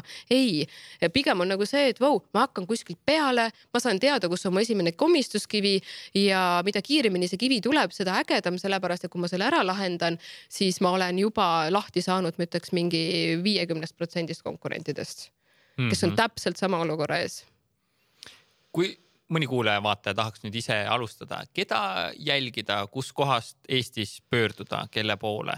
Äh, no selles mõttes on lihtne, et kord aastas meil on Ambition konverents nüüd kolmandal juunil taas Tallinnas, rahvusvahelised äh, Amazoni müüjad tulevad kokku, täiega kutsun, äh, kutsun sinna kuulama. mul on Youtube'i kanalis hästi palju tasuta materjali, ei pea maksma mitte midagi juurde. tasuta kursus isegi on üleval, nii et Eestis on, ma ütleks, mingisugune niisugune kümme, vahemikus kümme kuni kakskümmend kuue kuni seitsmekohalise käi-, aastakäibega müüjat müüjat. nii kui sa tuled Facebookis Amazon Estonia gruppi, siis me oleme kõik seal, kuigi noh, ütleme, et suured müüjad seal aktiivselt enam ei räägi, aga sa saad diskussiooniga liituda vähemasti. kui sa tahad kõige kiiremini ettevõtjatega tuttavaks saada, siis tule konverentsidele ja event idele, mis Amazoniga Eestis on või välismaal, vahet ei ole ja kohvilaua taga after party del nagu see on kiirtee täiega. ja võin tulla niimoodi, et ma, mul täna, mul on lihtsalt idee, et ma tahaks ka ja mul muud ja, ei ole. ja, sest et sealt sa kuuled, kuidas inimesed räägivad, me ei ütle konkreetseid tooteid kunagi välja, kui me laval äh, intervjueerime või edulugusid kuulame, aga inimesed ütlevad oma kategooriad välja, kas ma olen laste kategoorias või ma olen mingisugune, ma ei tea, õhupüsside kategoorias, eks ju. ja sa saad sealt juba mingisuguseid äh, niisuguseid nageteid endale kõrva taha panna ja tegelikult meie probleemid on kõik ühesugused, vahet ei ole, mis kategoorias me oleme ja sa saad sealt juba endale tööriistakasti ja siis see tööriistakastiga, see on nagu universaalne, et siis sa lihtsalt lähed, lahendad selle enda toote asjad mm -hmm. ära jah, mine sinna väljakule, ma ütlen, ma mäletan ka, kui Peep Lahe veel Eestis tegutses, siis kui ta tegi koolitusi, siis need õhtused istumised peale koolitust seal õlleklaasi taga, ma lihtsalt olin nagu koer lihtsalt kuulasin, mida teised räägivad, noh, ma olin täitsa nullis, aga mine ja. sinna kohale. aga on... arva ära, miks meil on Amazoni konverents, me hakkame, meil on kolmas juuni on konverents, me hakkame esimesel juunil pihta keskaegse õhtusöögiga, teisel juunil läheme karti sõitma, sauna, kokteiilikoolitusse ja siis pärast konverentsi on meil after party. ehk siis ma ütlen, et ajaliselt on konverents isegi lühem kui kogu see network imise ja üksteise lugude kuulamise aeg. ja kui sa konverentsile tuled ja sa, ja sa ei ole veel Amazoniga mitte midagi toimetanud, siis hakkad esimesest juunist peale ja istud kohal ja kuulad lihtsalt, mida teised räägivad. tasuta mm -hmm. sisuliselt selle koha pealt, ei pea kellelegi midagi maksma nagu, et mingi tead hiilged, mingid rahvusvahelised suured koolitused, lennukulu pole Eestis inimesed koha, meil on äh, eight figure seller'id ehk siis, kes ei tee mitte miljon, vaid äh, oh my god nagu, kas sa suudad reaalselt kokku panna need nullid nagu, mis Just. need tüübid kontode pealt läbi luhtitavad, mina, mul lihtsalt on nagu. mul jääb sõrmene pähe. mullikokteil lihtsalt ajus ütle, mida oleks Eesti e-kaupmeestel Amazonist õppida lisaks nende piltide tegemisele mm, -hmm. mida mhm. veel?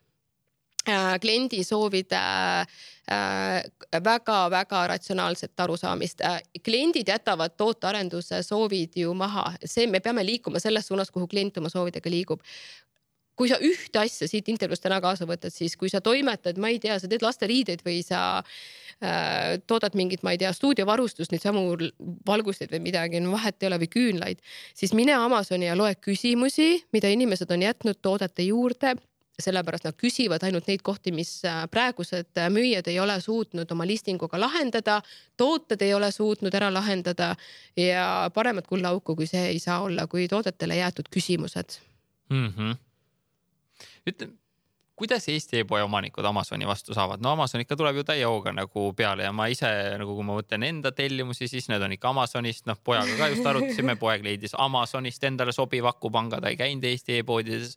kuidas Eesti e-poe omanikud saavad vastu ja kas nad üldse saavad? ei olegi vaja saada üldse pole vaja saata, sellepärast et kui sul on Eesti e-pood ja sa ei vahenda just Poola sokke Eesti e-kaubanduse e klientidele, mis on problemaatiline, et nagu sa suudad paremat kui see.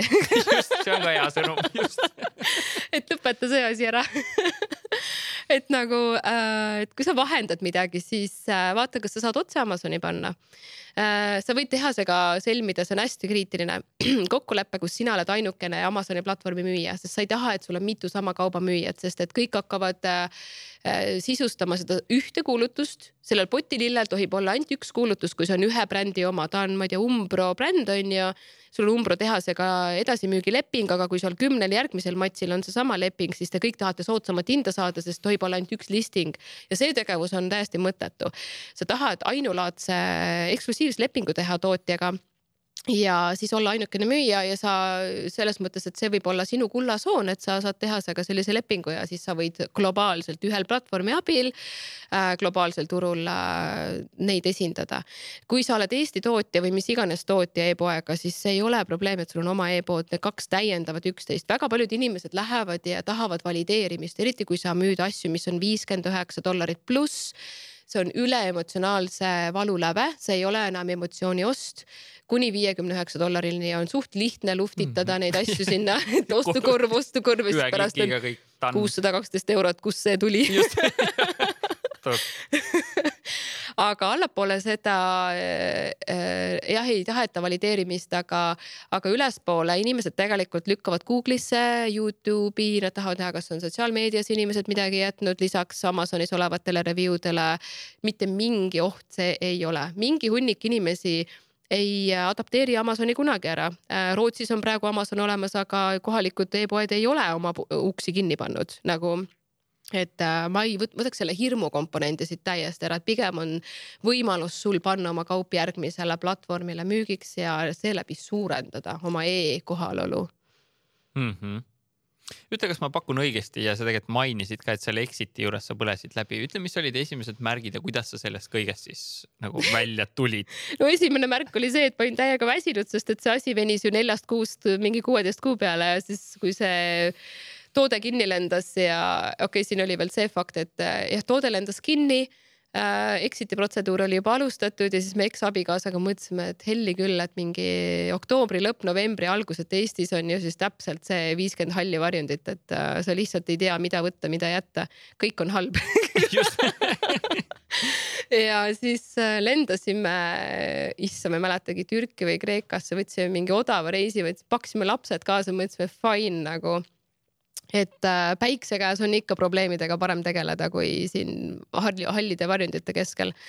et istume siis kordamööda, üks on basseini ääres lastega, teine istub ja helistab nonstop Amazoni, pange toode üles, pange toode üles, pange toode üles, et nagu saab power'it juurde natukene rohkem. ja kui me kohale jõudsime, siis tuli välja, et internetti polnud okei.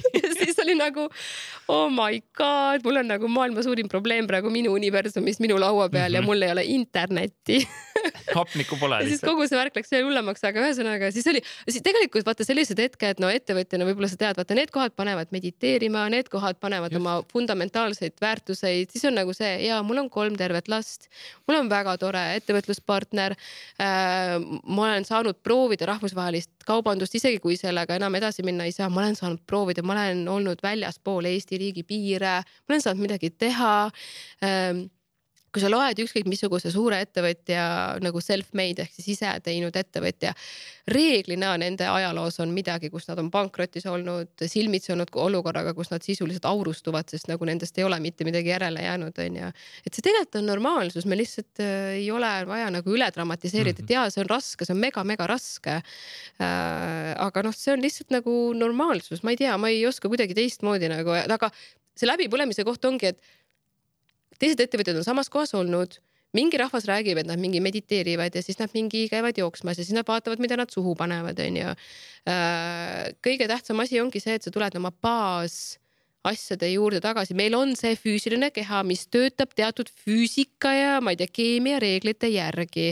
Äh, mina ei ole praegu jumal taevas, kes ma saaks, ma ütlesin ponšikute ja nagu äh, narksi peal nagu tegelikult sa kaua vastu ei pea. väga ei pea. noh, keha lihtsalt ei ole ja. niimoodi loodud, sa tuled lihtsalt nii puhtasse kohta tagasi, kui tekib see, et vau, mul on kõik energia läinud, aga mul on vaja edasi minna. no ja noh, ma sain aru nagu, et siis on halvasti aga sa tõmbad siis muud ressursid. et sa ei kuluta ennast teistes kohtades lihtsalt liiga palju. ilus ah,. oli või aga seesama just noh, mida sa kirjeldad, see ongi see transformatsioon, kus me jõuame vundamendi juurde, me ehitame selle vundamendi tugevamaks, et minna siit kõrgemale ja kaugemale. ja ettevõtjana on tegelikult asi, mida me peame aru saama, meie ettevõte kasvab ainult äh, nii palju meie ettevõte kasvab viiskümmend protsenti sellest, mis me sada protsenti oleme isiklikus elus kasvanud mm. -hmm. et kui sa ise isiklikus elus ei ole nõus võtma järgmisi kohti vastu kasvu kohana, on see siis isikliku elu äh, mingid asjad või siis äh, rahaga mingisugused toimetuleku asjad või siis kasvõi see, et ma pean kivist vett välja pigistama, sest mul pole noh, ressurssi pole, et alustada, onju. Äh, see ongi tegelikult see koht, mis meil vajab lahendamist mm. -hmm mul on alati jumala hea kutsuda inimesi, ma ise valin nad ja siis ma küsin neid küsimusi, mida mul vaja on ja mul on täiega vaja saada, kuna me teeme seo konverentsi, me teeme, toome neliteist eh, spiikerit rahvusvaheliselt Eestisse ehk siis uh. kuidas Google'is paremini hakkama saada, siis ma tahaks mhm. küsida teie Amazoni rahvusvaheline konverents, mis on mm -hmm. olnud sinu sellised õnnestumised ja õppetunnid, mida sa tahaksid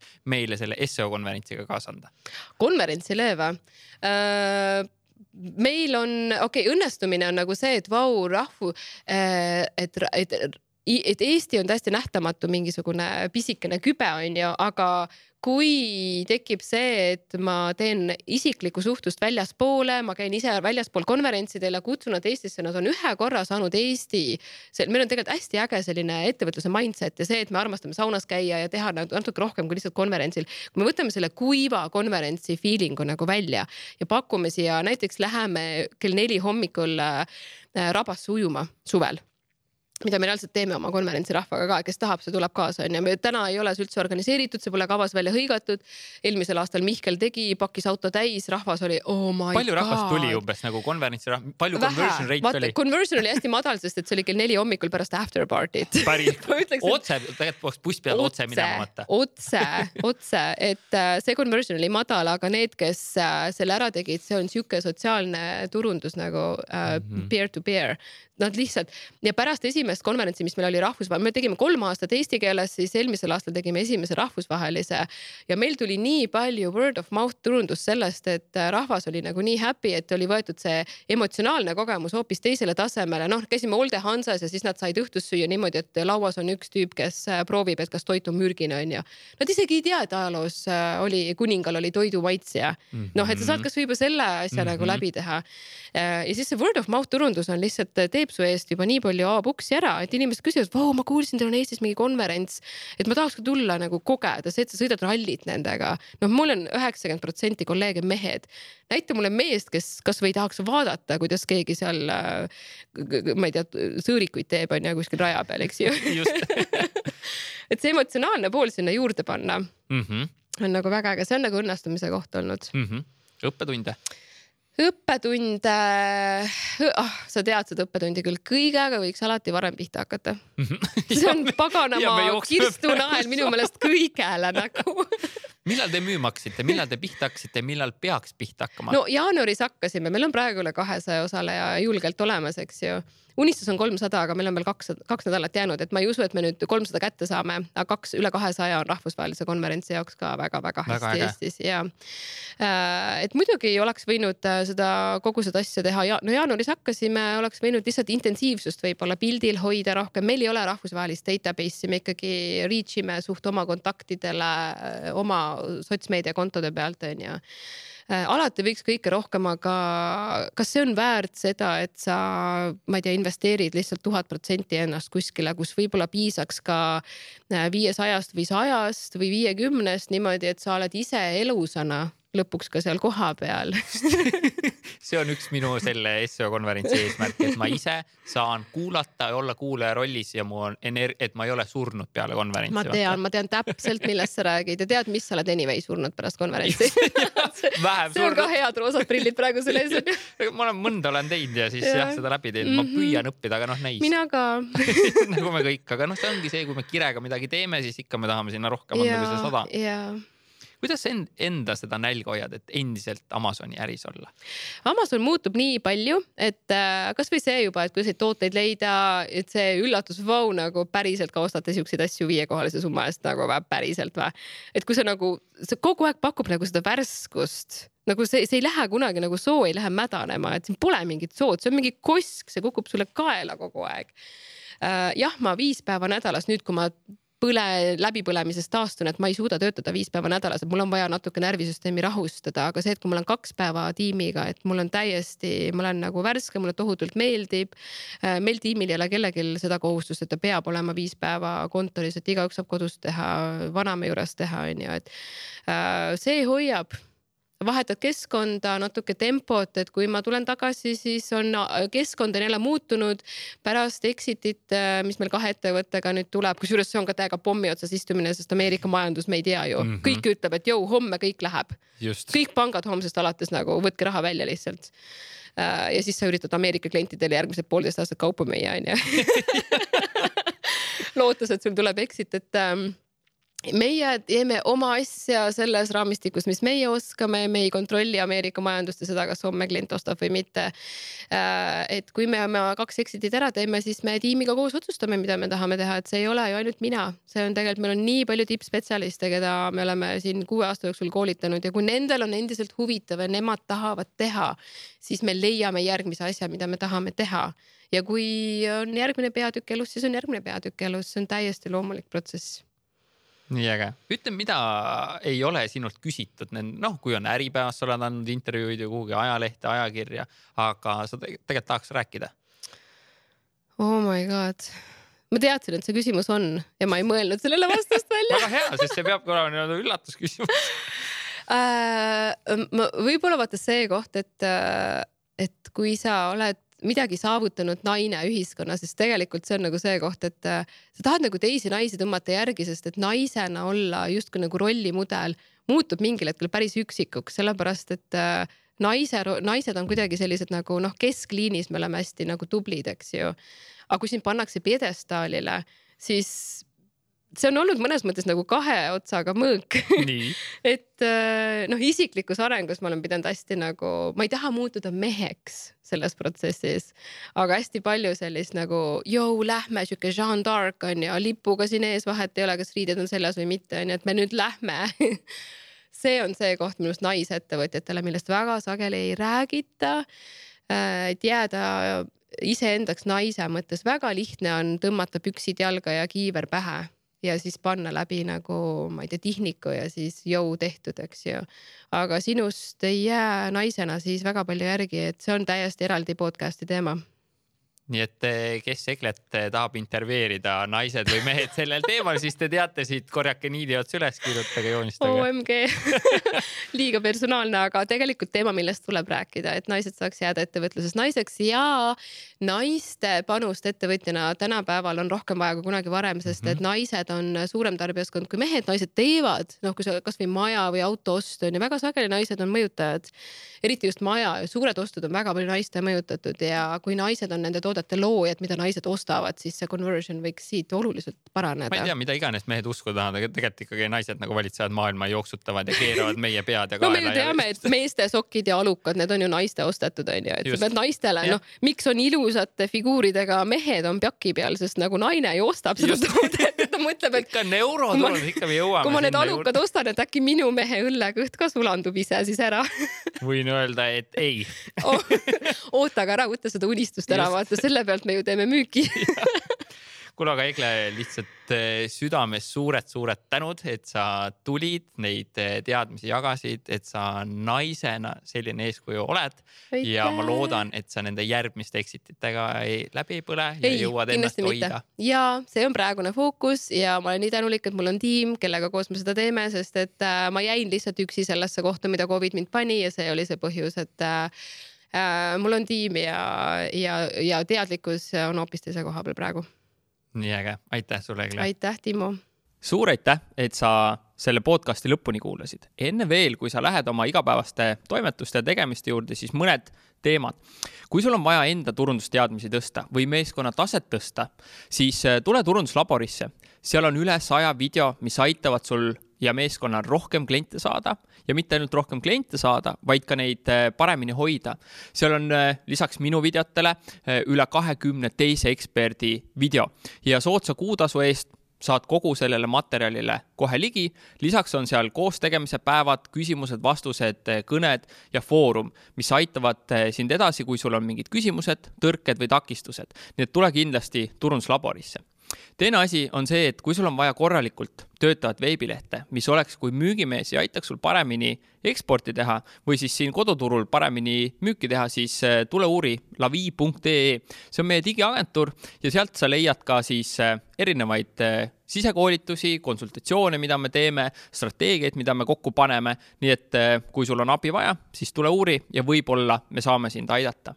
ja kolmandaks, kui sul on vaja kvaliteetset podcast'i teha, veebiseminari läbi viia või enda lehele äh, tõesti hästi tehtud videoid salvestada, siis äh, uuri Maraton Stuudiose kodulehelt, kuidas nemad saavad sind aidata. maratonstudios.ee ja samamoodi äh, on nemad kogu turunduslabori loomise taga, kogu sellesama podcast'i on nad aidanud mul luua ja koos me tegime ka Eesti kõige suuremad online turundusüritused, eh, kaksteist tundi turundust ja kaksteist tundi turundust e-kaubandus. nii et uuri kindlasti ka nende veebilehte ja ma usun, et nad saavad sind samamoodi aidata, nagu nad on aidanud mind